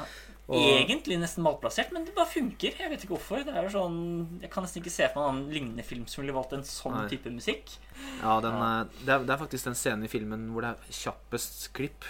Jeg så en litt sånn YouTube-video om det, om hvor mye, Den filmen her har veldig eh, lange eh, gjennomsnittsklipp. da Det er sånn 15 sekunder eller noe. Hvis du ser snittet på alle scenene, Mm. så er det 15 sekunder, og det er mye lenger enn de pleier. da Men den scenen her er sånn veldig veldig mange kjappe, men det tenker man ikke på der og da, for det er så bare at det er veldig imponerende. da Mm. Nå må nesten du spytte inn her hvis du eller sitter og ruger på noe negativt her. Nei, egentlig ikke. Jeg syns den virker veldig sånn selvsikker, eh, sterk film eh, tvers igjennom. Kanskje ikke Kanskje ikke like revet med som dere, men og heller ikke noe å kritisere sånn spesifikt, da. Nei.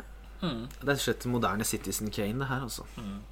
Og selvfølgelig som jeg nevnte, då- dåpscenen er jo også helt sjukt bra.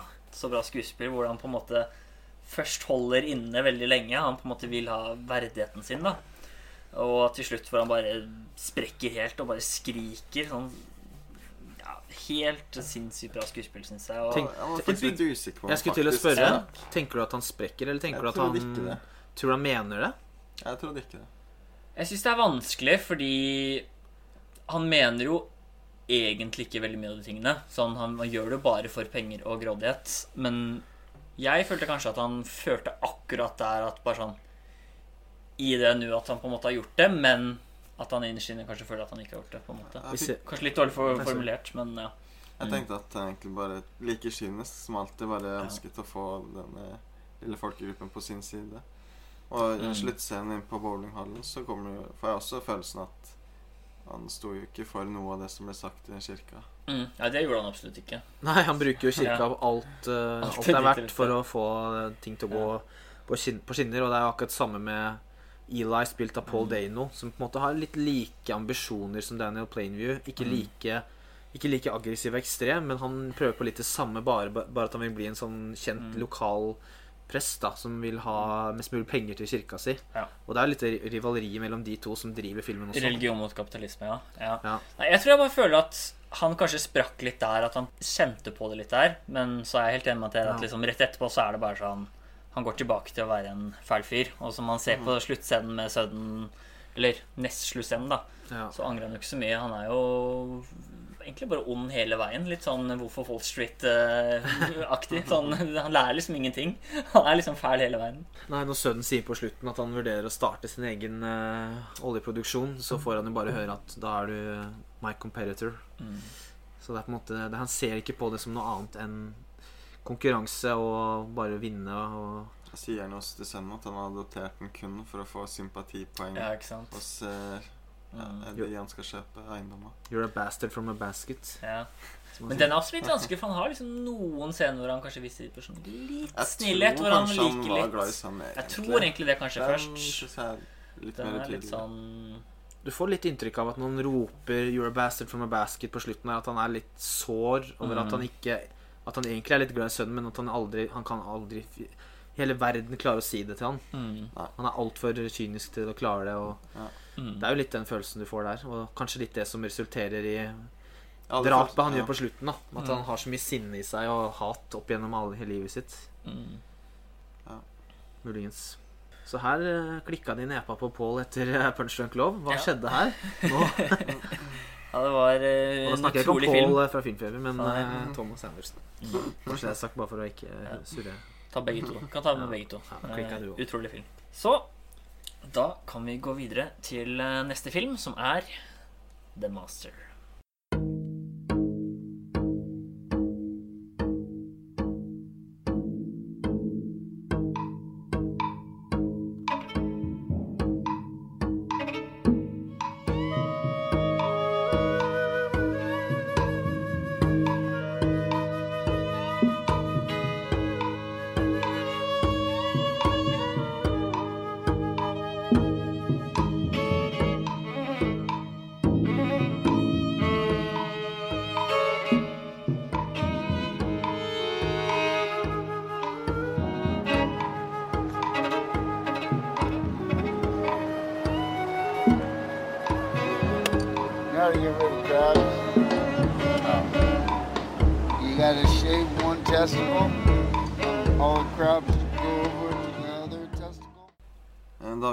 Til The Master fra 2012. Eh, Da følger man da eh, Walking Phoenix, som er en krigsveteran. Han har vel vært i Japan, tror jeg. Virker sånn. Okinawa eller sånn Ja. andre verdenskrig. Og har da blitt eh, en hva skal man kalle en lasaron som surrer litt rundt. Han har jo faktisk jobb, men eh, man ser jo at han mister den relativt kjapt. Og han har åpenbart problemer. da Man vet jo ikke om det kommer av krigen eller tidligere, men eh, han sliter med sinne og konsentrasjon. Det virker som han ikke har noe empati, omtrent. Mm. Ja, Så han er rett og slett en helt uh, lost uh, sjel. da Alkoholiker også. Mm. Og så litt ved en tilfeldighet da, så blir han plukket opp av uh, Philip Seymour Hoffman. Mm. Som tar han veldig til seg og blir nesten som en farsfigur.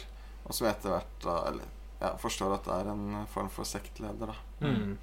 Bygger litt liksom på referanse til scientologien da, på 50-tallet i USA. Og jeg husker jo jeg så den her med deg, Per, for 100 år siden. føler jeg. Det er veldig langt, og da husker jeg syntes den var ganske rar og kjente ikke så mye. Så for min del så er jeg opp til litt å se den igjen. Jeg følte at jeg på en måte fikk litt mer grep på historien nå som jeg så den for andre gang. da Fordi Jeg vet ikke hva du syns, men jeg husker iallfall at når jeg så med deg, var jo litt sånn Hva faen er det her for noe? Jeg likte den egentlig veldig mye bedre nå. Ja. Kanskje den jeg liker best i den eh, fase to av karrieren hans. Ja, jeg syns den er litt sånn vanskelig. Den er liksom minner jo litt om The Will Be Blood, men den er litt mer retningsløs. Litt sånn som eh, Freddy i hovedrollen. og Litt mer sånn utydelig og jeg har, også, jeg har også sittet litt igjen med det som dere sier, at det første gang så jeg ikke, fikk jeg ikke helt grep om hva det handla om. Og jeg så den på nytt i fjor, og syns jo på mange måter eh, og i mange scener at den er fantastisk. Mm. Men som helhet så faller den litt flat som en etterfølger av The Will Be Blood for meg.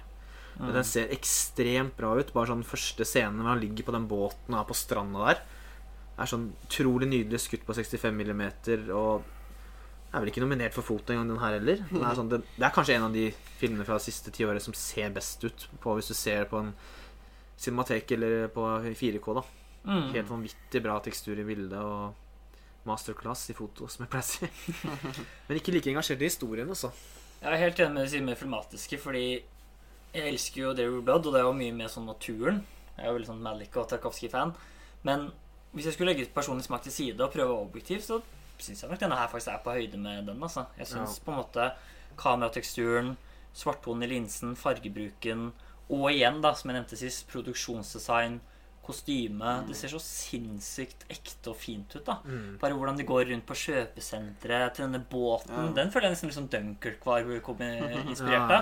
Med blåfargen mot mm. sorttonene som er på Fineste bølgene jeg har sett, tror jeg. ja, så liksom ja, Farge, estetikk eh, Jeg syns den filmen her er utrolig fin. Altså, det er kanskje noe av det beste han har gjort sånn estetisk, i hvert fall. Ja, synes jeg. eh, Mm.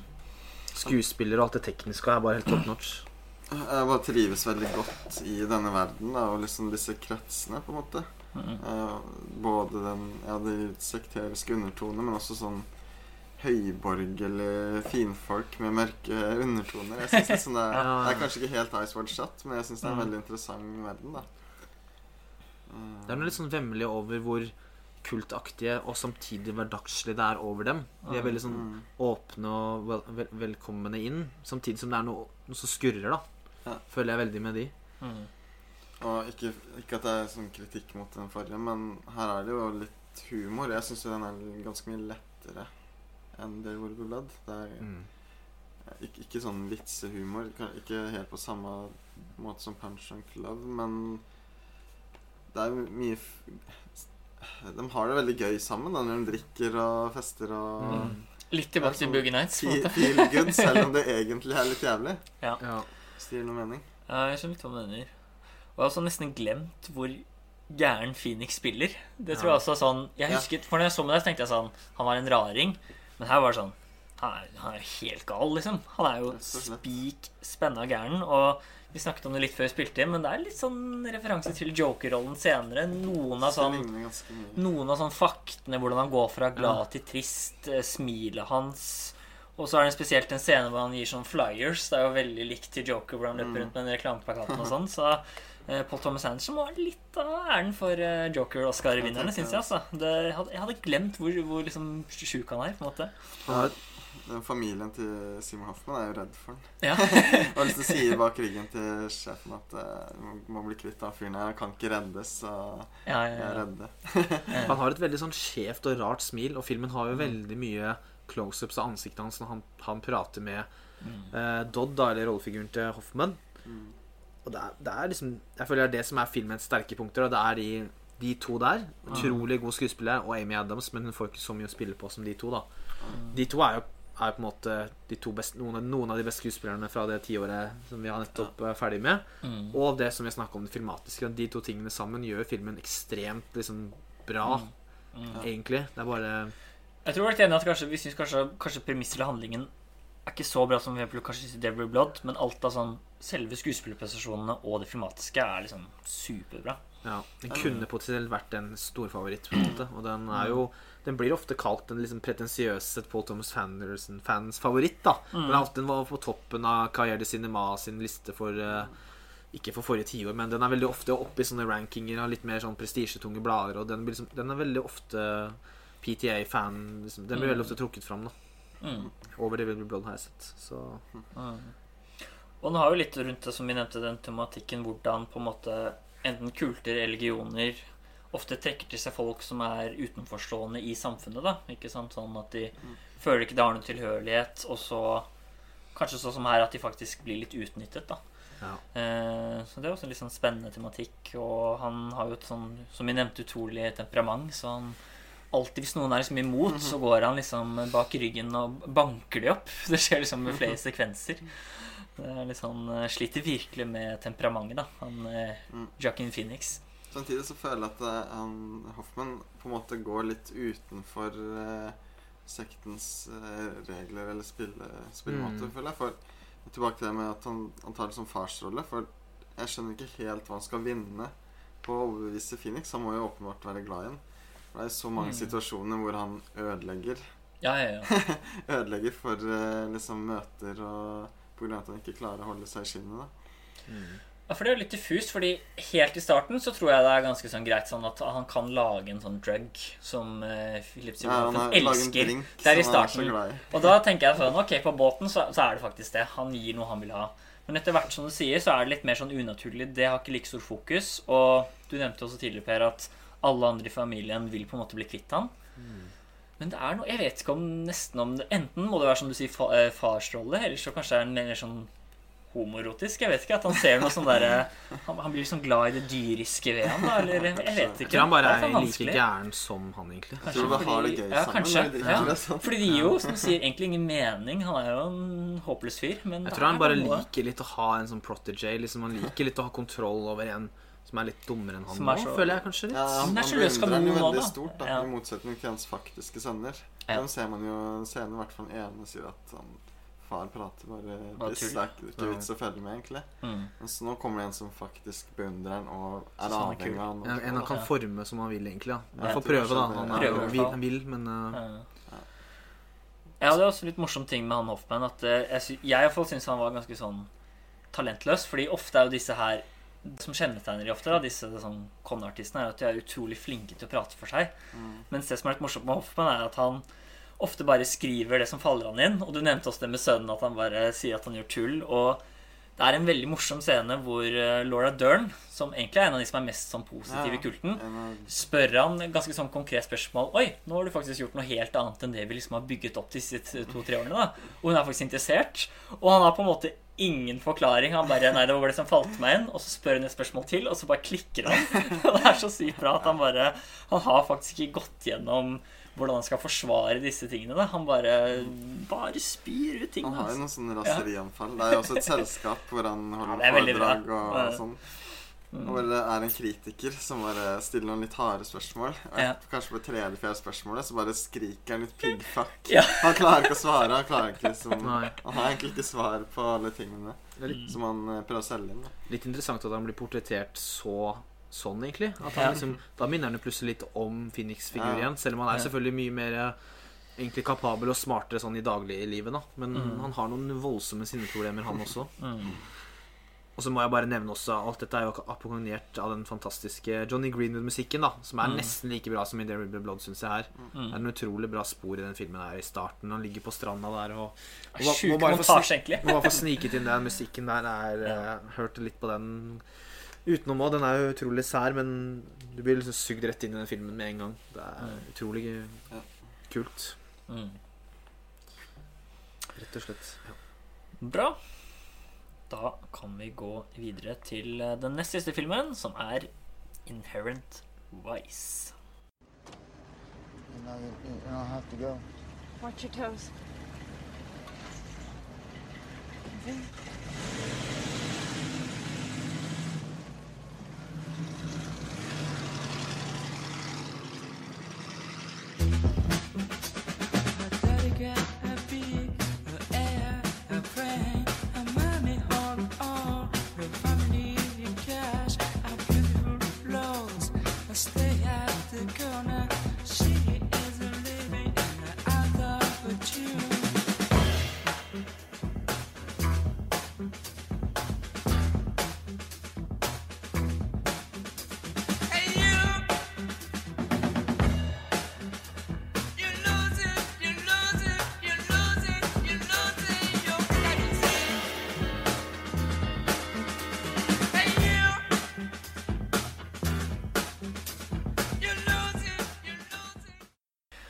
er det da Inherent Vice, og i likhet med Magnolia så er ikke dette her det letteste synopsis og premiss og gauler løs, men eh, jeg får prøve.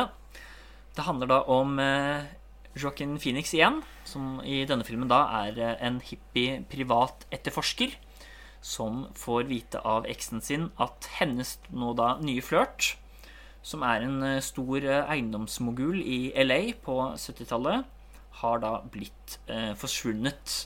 Og filmen går da ut på en slags litt sånn odyssé, hvor eh, Phoenix går rundt for å finne ut av dette. da, Og det er masse forskjellige eh, karakterer han møter, som han har samtaler med for å liksom finne ut av dette her. Og han driver også da og doper seg mye gjennom eh, hasj.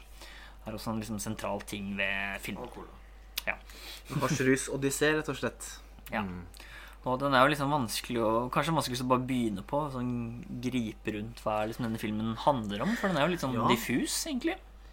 Ja, den fortsetter jo på en måte litt i The Master-sporet, med at det er sånn åpenbart skutt på film, ser bra ut, samtidig som det er litt perioden fra Boogie Nights som møter stemningen til Master, på en måte. For det er jo ikke minner jo ikke om Boogie Nights i det hele tatt utenom at det er på 70-tallet. da. Mm. Det er litt mer mystisk og treig og ikke så, ikke så flashy, men Mm. veldig pent å se på likevel. Men veldig lite opptatt av å imponere, egentlig. Veldig sånn saktegående kameraføringer og Ikke noe av de langtekstene fra Magnolia Boogie Nights hvor du følger folk og fram og tilbake. Og det er utrolig mye sånn eh, stille kamera, nærbilder av talking heads fram og tilbake. da.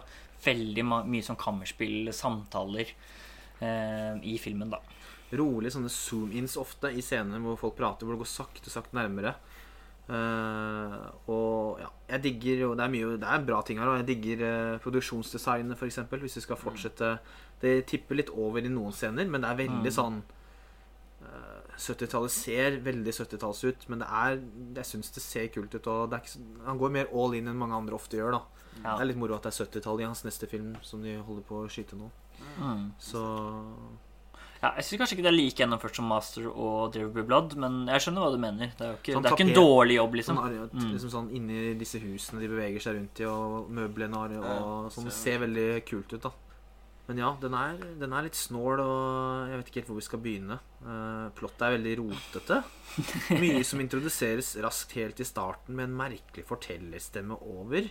Det er selvfølgelig litt meningen, da, for man skal jo kastes ut i en sånn der bisarr hasjrussvevende film noir. Mm. Uh, men det er, ja, det er jo litt meningen at det skal være sånn, men uh, liksom i løpet av ti min så er vi plutselig introdusert for at eh, hovedrollen tror at TV-en snakker til han. Og, eh, og vi får høre at eh, både jøder og svarte jobber sammen med et arisk brorskap i de første ti minuttene. Så man blir liksom Den, er- den er liker å være snål fra start, da. Jeg liker jo egentlig premisset ganske godt. Det er jo sånn kul utgangspunkt for en historie, egentlig. At man skal gå rundt på et sånt uh, mysterie, finne ut av hva det er som skjer, og mye bakenforliggende, og man får litt mer hints, men kanskje litt sånn teit å si, men jeg tror kanskje for meg ble den egentlig nesten litt for lang. Jeg tror kanskje jeg hadde likt den bedre hvis den var kuttet mer, fordi jeg syns jo en del enkeltsekvenser er bra. Sånn eh, massasjeparløren, kulten, tatt i fange av nazier. Altså, den har noen sånne fine ting, men 80% av dette her er sånne diffuse eh, hasjrus-samtaler. Og jeg kunne jo egentlig satt pris på samtaler, men jeg syns ikke det har den samme snerten som i The Master, David B. Blood, Phantom Tread, som vi får senere. Den, den har på en måte ingen sånne som jeg husker som sånne skikkelig sånne ikoniske, bra dialogdrevne scener. da Jeg skjønner hva du mener. De fører ikke ofte så veldig til noe, og det er jo selvfølgelig litt av poenget med filmen. da Mm. Det er viktig å understreke. Jeg setter veldig pris på filmen sånn egentlig. Jeg så den jo i dag, da, og jeg, jeg vil tenke sånn eh, Hadde denne filmen vært laget av hvem som helst, kommet ut f.eks. i år, i et litt sånn eh, kjedelig Oscar-år, så hadde jeg tenkt oi, dette var en kul film, den har en egen stil, og du ser at det er en regissørstemme og en fotostemme, men sammenligna med de fantastiske Magnolia Boogie Nights og The River Blood og The Master og sånn, så er det litt under for min del òg, altså. Ja, han er på en måte ve veldig vellykka i det han prøver på, tror jeg. Men om det i seg selv er så engasjerende, er jeg litt usikker på. Mm. Jeg tror man virkelig må klare å gi, gi slipp på mysteriet og plottet for å faktisk sette pris på filmen. At du må Mm. liksom bare leve deg inn i hver enkelt scene, eller bare rote. Være med på reisen, eller uh, ja, Mm. hvordan eh, hovedpersonen opplever disse Ja, og det må man gi slipp på ganske raskt, for det er ikke mulig å følge med på etter hvert. Med mindre man har sett filmen mange ganger og eller er, Ja, det kan hende, da. Fordi det er, det er veldig mye navn og ting som blir slengt ut med en gang. Og det er jo det er basert på en forfatter som heter Thomas Pynchon, som er liksom kjent for å skrive utrolig forvirrende, lange, kompliserte bøker. Så det er jo, det er jo helt klart det som det blir godt for her, da. Mm. Jeg Ja. syns heller ikke at det er noen helt fantastiske skuespillerprestasjoner her. Motsetning til The Master og The Mm. Blood. Jeg syns ikke Ja, det er like mente. god Mm. som han er i The Master, eller for så vidt Joker, da. Ja. Jeg syns han er litt under. Uh, han er kul, liksom, men uh... Og dette er jo nesten den filmen som kanskje har trengt det mest, fordi det må jo være den filmen hvor det er mest samtaler, kanskje. Av Alle sånn Man blir jo sløv, da. Ja. Ta ja. Sånn er det. Det er litt uheldig sånn sett. Men det er sånn når det er så mye så, De andre filmene har du ofte mye mindre av det, men de er mer minneverdige. Så det blir litt sånn Litt undervel for min. Det er kanskje litt kritisk, men øh, litt spennende kanskje med han Benicio del Toro, som begynner å ha litt sånn samtale rundt eh, i starten der. Men han forsvinner jo da nesten i to timer og kommer først helt på slutten. Så han på en måte forsvinner helt ut av historien. Og det er jo meningen, ja, det er jo meningen, men det blir liksom sånn Da er jeg litt mer som bare kutter ut, på en måte. Det er ikke noe vits å ha det med da.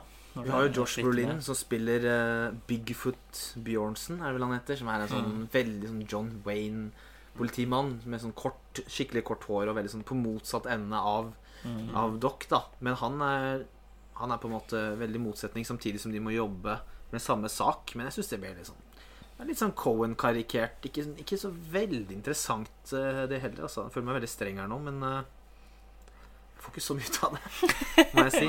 Det morsomste i filmen er helt i starten når jeg For en liten filmfeber-ode her Så sier en eh, kompis til eh, Til Doc, eller om Doc sier til han eh, As Godzilla says to Mothra Man Let's go eat someplace Ja. det er bra for er- eh, podden vår. Godzilla-referanse. Den er jo veldig malplassert, egentlig. Veldig sånn helt ut av det blå. Jeg vet ikke om det var referansepunktet, men for oss var det litt morsomt, da. Det ble også etterfulgt av eh, en låt av bandet Can Som jeg synes er skikkelig kult Så det, det hjelper litt på starten for min del da. Ah. Tysk krautrock Det hjelper på Men uh, ja, nei Kanskje min eh, minst favoritt Kanskje Uh, Ja Og så kanskje litt av musikken også. Boogie Nights kjører jo veldig på med poplåter og rockelåter fra Mm. perioden for å liksom hjelpe deg å sette deg inn i atmosfæren. Mm. Og som Tarantino også gjorde nå nylig. Ja.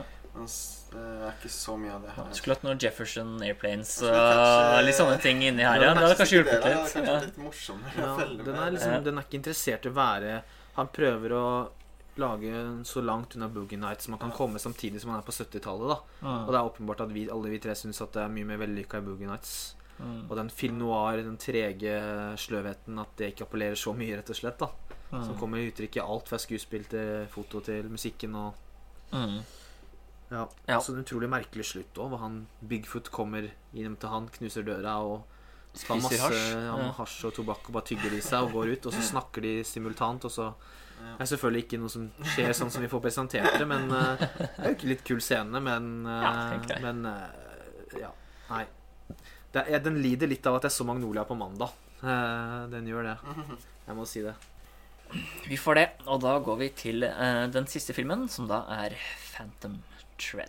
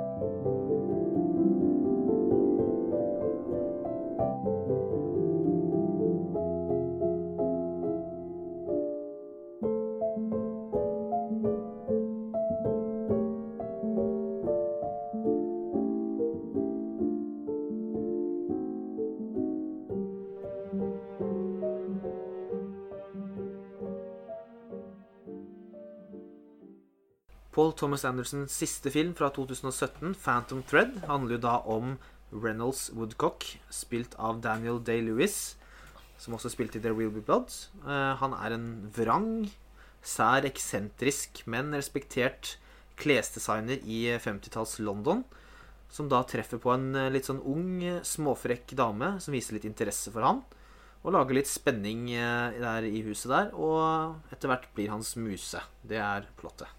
Og da litt tilbake til eh, ja, sånn, vil si sånn punch drunk love-premisset med fokus på kjærlighet mellom to mennesker, da, og ikke så mye rundt alt liksom disse store greiene og masse karakterer. og Den er litt mer eh, fokusert. Ja. Og jeg syns jo da noe jeg vil trekke fram som veldig bra, er jo da nettopp samspillet mellom Daniel D. Lewis og Vicky Creeps, tror jeg. Skrives jeg er litt eh, usikker Ja. på uttalen. Hun er fra Luxembourg. Uh, glemmer litt fransk uttalelse, må jeg si. Men eh, jeg syns mye av styrken i filmen er scenene med de to. da Hvordan de liksom rett og slett driver hverandre til uh, vanvidd. For han eh, Daniel Lewis, som du sa, er jo sånn veldig rutinebasert, eh, Mm. kravstor, snev av OCD. Alt må være på hans måte. Mens hun er liksom den som tør å si han imot. da Hun bryr seg på en måte ikke om den store hva skal man si, sånn auraen som alle andre ser opp til han da Han lager jo kostymer til uh, rojale folk og alt sånt her, mens hun på en måte tør å si fra, da. Ja, og du sier Punch Drunk Low, men det er liksom litt Punch Drunk Low dyppa i The Master. For det er liksom det dysfunksjonelle forhold mellom uh, personer, samtidig som jeg er veldig i den der 50-tallsstilen og liksom den type klær og design. Så jeg føler liksom jeg er litt i den verden også. På en måte litt, minner litt om den. Og så er det jo en slags Ja, jeg tenker ganske mye på Rebecca Hitchcock når jeg ser den. En Og den har ikke sett, masochistisk Rebecca.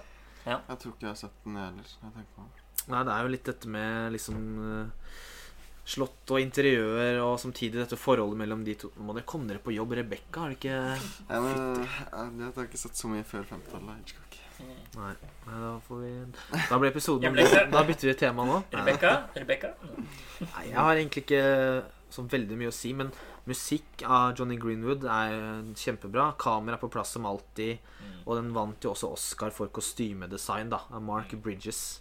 Så disse tingene er jo selvfølgelig helt på plass, og man er, hvis man vet hva slags filmskaper han er, og hva man vil ha, så får man jo det. I hvert fall senere karriere. Det minner jo selvfølgelig ingenting om Boogie Nights og alt dette her, men uh, ja, det er liksom man, Det er, som du sier, liksom litt liten film igjen, men eh, man kan jo hoppe på mer neste gang, men han er jo god på de små filmene også. Ja. Det er veldig bra det du nevner med kostyme. Sånn, jeg er jo veldig glad i spesielt Every Blood og The Master, men også her er det jo sånn Det er upåklagelig kostymebruk. Og han har litt sånn Litt, litt ny vri, syns jeg, også på kamerateksturen her. Det er litt sånn Det er veldig vanskelig å forklare, men man skjønner det når man ser det. på en måte Den har liksom litt sånn egen, litt ny tekstur. Og så er det en ganske morsom referanse til Clockwork Orange. Ja, Hvor han kjører som Tusan i bilen med sånne supertrange britiske veier med sånne eh, Hva skal man si steinhyller på sidene, da. Kjører for livet. Det er noe med, det er noe med kameralinsa og hvordan Det er sånn fisheye. det heter, sånn, det er liksom frama litt sånn Ja. smalt på sidene og tjukt i midten. Det er Veldig veldig, veldig referanse referanse. til den åpningsscenen i Clockwork når du kjører bil der, ja. Så kameraet er litt interessant. Og dette er faktisk den eneste filmen helt fra Sydney til nå som ikke da er fotografert av Robert Elswit. Men det er ikke noe cinematographer oppført på filmen. Og mange påstår jo, og det har jo vært snakk om at det er Paul Thomas Anderson selv, men han har jo sagt at det var et team, og alle hadde litt å si. Og det er litt sånn snål ting, for det er som regel alltid en som er kreditert som cinematographer, da. Ja, så er det eventuelt at regissøren kanskje er mer delaktig i noen enn andre. Sånn som f.eks. Kubrick. Men det er morsomt som du sier at liksom her virker som det var et mer sånn team da, som gjorde det sammen. For det er jo ikke generisk her på noen som helst måte med disse Nei, nei, nei. åpningsscenene med, når de går opp disse spiraltrappene, og hvordan kameraet beveger seg der. Og det er jo åpenbart på samme nivå som tidligere. da Så kan man å trekke fram én scene hvor han er litt tilbake til det der Magnolia Boogie Nights-virtuset. Det er jo når det er en, eh, en nyttårsfeiring, som igjen er faktisk fra Boogie Nights.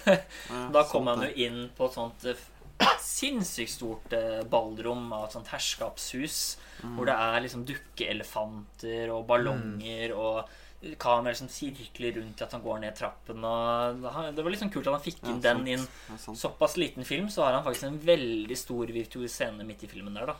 eh, Som var veldig kul eh, filmatisk. Det er også en scene i Alpene der som eh, sti er stikker seg veldig ut. Og husker jeg tenkte at jeg vil ha mer av det, men det, filmen er jo liksom veldig liten. Og man blir litt klaustrof det er nesten litt klaustrofobisk til tider. At man vil liksom se litt mer, men samtidig er det et intimt eh, relasjonsportrett òg. Men den er litt eh, snål, den der eh, vinterlandskapsscenen der. Ja, Den er kul når man bare Først så ser du bare at de står og snakker sammen med hotellet rundt. Men så går hun opp. Hun skulle på et ski som et eller annet som han ikke blir med på. Så sitter han i en slags sånn regissørstol, og du bare ser oppover det gigantiske fjellet som går inn i klippet. Det er et utrolig kult shot, da. Skulle hatt inn Herzog Ja. som gjesteregissør som kunne tatt oss med på fjellet i ti min der. Ja. Men eh, ja, for meg så er det vel egentlig Kanskje er han er noe av det sterkeste han har på manus og skuespillerprestasjon. da Jeg syns det er utrolig bra de samtalene de har. da Sånn ja, Ikke for å rekke ned på forrige film, men her syns jeg på en måte samtalene er mer rivende. da Og det er mye liksom spennende prat mellom de og bra skuespillerprestasjoner, og de ja, bryter hverandre skikkelig ned. Man tenker virkelig ikke over at eh, det er samme skuespiller som i There Will Be Blood, egentlig. Både utseendet og måten han oppfører seg Selv om begge er drittsekker på hver sin måte. Ja. Så er det en Så, annen type drittsekk. Ja, det er ikke sånn som når du ser DiCaprio i en film. Ikke at han er en Mm. dårlig skuespiller, men det vil alltid Nei, det var et være rart eksempel, egentlig. Men nei, poenget er at det vil alltid være DiCaprio. Nesten Mm. mer enn karakteren du ser. Det er litt her syns jeg det, han er liksom veldig fleksibel, da. Ja, det er sant. Han er, når du har linken midt imellom de to rollene også Han er jo, han er jo en kameleon. Han er jo en eh, såkalt method actor eh, som liker å Paul Thomas Anderson har jo sagt det at når du kommer på jobb og spør om han skal ha en man skal ha en kaffe når du skal innom Starbucks, så svarer han jo i eh, Daniel Plainview-stemme og alt det der. Så det er sikkert slitsom å jobbe med, men nå har han jo gitt opp. Nå har han jo lagt opp. Så ja, jeg håper jo egentlig han kommer tilbake. Men eh, han er ikke så gammel. Men, eh, men ja, han leverer jo en kul rolle her. Ble vel Oscar-nominert også. Mm. Ja, vi kan jo spoiler nå, men ja, det tåler folk. Jeg tror de fleste som følger med nå, har hørt. Men uh, slutten var jo litt sånn uh, nesten I hvert fall tatt på senga første gang jeg så den. da Og der er det jo det at hun tidligere i hvert fall tilsynelatende som ikke han har visst, at hun har forgiftet han, og at han blir veldig syk tidligere i filmen gjennom og gjennom sopper. Og så forklarer hun dette til han da på slutten og sier at hun liker å bryte han ned for å bygge han opp igjen. Og på tross av da, at nesten alt hun sier, blir han rasende på i hele filmen, så av en eller godtar han dette. da Han Og omfavner det, han omfavner det og blir med på det. Og det er jo kanskje litt av poenget at det er noe av det som faktisk holder dem sammen. da At alle tenker at herregud, de der må jo bare dra fra hverandre. Det er jo helt toxic. Men det er den derre masochistiske Ja. greiene som faktisk trekker de sammen, da, fordi de ja, Det er så mye forskjellig, for Han er jo så rutinepreget og vil ha alt på sin måte, mens hun vil på en måte utforske ting. og Det har liksom ført til en krasj der, men man får litt mer forklaring da i den siste scenen. Ja. Men han har liksom gjennom hele filmen eh, virket veldig dominerende og sjefete. Samtidig som man har små øyeblikk hvor han er ganske veik, egentlig. Det er jo en scene med søsteren også, Mm. hvor hun plutselig ut av blå glefser litt tilbake. Og da liksom kryper han litt med halen Ja. mellom beina. Hun spiller jo veldig bra, Leslie Manville, og hun er jo en av de få som faktisk har litt har litt jernhånd på han innimellom, hvert fall. Mm. Eller hun blir ikke spesielt redd når han glefser, Ja. hvert fall. Så jeg har alltid inntrykk av at han kanskje er litt sånn underdanig likevel. Mm. Det, jeg vet ikke. Han snakker jo også Nå mulig jeg roter her nå på podkasten, men han snakker jo også litt om moren sin og har sydd Sydd noe hår inn i jakka, og det er noe med en relasjon til det òg. Apropos eh, Magnolia og foreldrerelasjoner. Og Det er akkurat som man har noen sånn submissive greier eh, som eh, Mm. er en del av hele opplegget òg. Ja. Og så er han også veldig stolt. Det er jo en litt sånn absurd scene, nesten, hvor det er en dame som har kjolen hans, og hun blir liksom altfor full. Og da, på en måte, når hun har liksom driti seg ut og gått, da, så tenker jeg sånn Hun kan ikke gjøre noe sånt i min kjole. Ja, Så da går han og eh, Vicky Creeps da eh, til henne for å liksom ta av henne kjolen og ta den med hjem, fordi det er så skamløst overfor han. da. Det er sånn, helt sånn merkelig, og det blir kanskje ekstra morsomt fordi dette er liksom i London på 50-tallet, hvor alle er sånn overdannede fra før av. ikke sant? Så det blir sånn enda mer drøyt, det han skal inn og gjøre. Ja, han er en veldig kompromissløs karakter. Mm. Det er jo Det liker eh, Paul Thomas å skrive, får man veldig inntrykk av, og gi de rollene til han i tillegg, da. Nei, skal vi kanskje si oss eh, fornøyd med maratonet da? Det ble alle filmene til eh, Paul Thomas Andersen. Ja, det blir jo selvfølgelig eh, litt overfladisk om alle, og man kunne, man kunne gått dypt inn i én og én, men uh, vi valgte rett og slett å bare gape over hele greia og prøve å se om vi fant noen felles Ja. nevner. Jeg vet ikke om vi har funnet det, men vi- vi deler det litt opp i to, i hvert fall. Med første perioden, som er litt den derre party, kamera svinger rundt, og så litt mer eh, alvorlig, mørke og litt sånn treigere rytme i andre delen av karrieren. da. Litt roligere kamera, men da kanskje mer fokus på tekstur, eh, kostyme, ja, Og litt mer, og litt mer fokus på skuespillerne og karakterer og, manus, og innhold, tematikken og hva Kanskje. Føles Bildene er også mer komponerte, eller kom, ja, store kompos komposisjoner. Ja. Det er noe annet å ha et stillestående kamera og et som svinger rundt i gangene. Ja. ja. Så det er en annen måte. Så spennende. Vi gleder oss til hans neste film, som da han eh, nok en gang skal tilbake til eh, 70-tallet og snakke om en eh, barnestjerne som går på high school. Foreløpig tittel 'Soggy Bottom'. Ja, Så det, det blir spennende. Vi gleder oss. Vi håper kinoene åpner snart. Ja. Når den er ute. Ja. Så kan vi røpe nå, som alltid, vi har begynt å bli sånn tradisjon, at vi røper neste episode. Da skal vi ta for oss litt av eh, Oscar-nominasjonene. Det er jo noe da ikke lenge til. Så det var det. Tusen takk for at eh, dere lytter på oss. Dere kan følge oss på Filmfeber på Instagram hvis dere vil det. Og så ses vi igjen neste episode. Ha det bra, alle sammen. Ha det. Ha det godt. Coming out again, Ben 11 after 7. Come on, old timer, you gonna join us here, my friend? Come on. I don't wait for old people. I don't wait for old people. All right, here we go. Let's see another. step. Here we go. Eight easy eight. We're out on a point of eight. Bet it back hard. Okay, I'm gonna light a cigarette now, old timer. See, the thing is, I like you, and I'm gonna light a cigarette. I'm gonna let you have this time to place your bet before I finish lighting this cigarette. And then when I finish lighting, I'm just gonna roll and fuck you. You're laughing at that? I just said fuck you to the man. Jesus Christ. the way you look, I think you know what I'm saying, old timer. I think you do. Jesus Christ, why don't you have some fun? Fun, fun. All right, shaka laka doo, shaka laka dooby dooby doo, shaka laka doo. You got a little bit more there. Coming in there, baby. Shaka laka do, baby. I'm almost lighting it, baby. I'm gonna light the cigarette, old timer. What are you gonna do? Two thousand dollar hard eight. Two thousand dollar hard eight's a bet.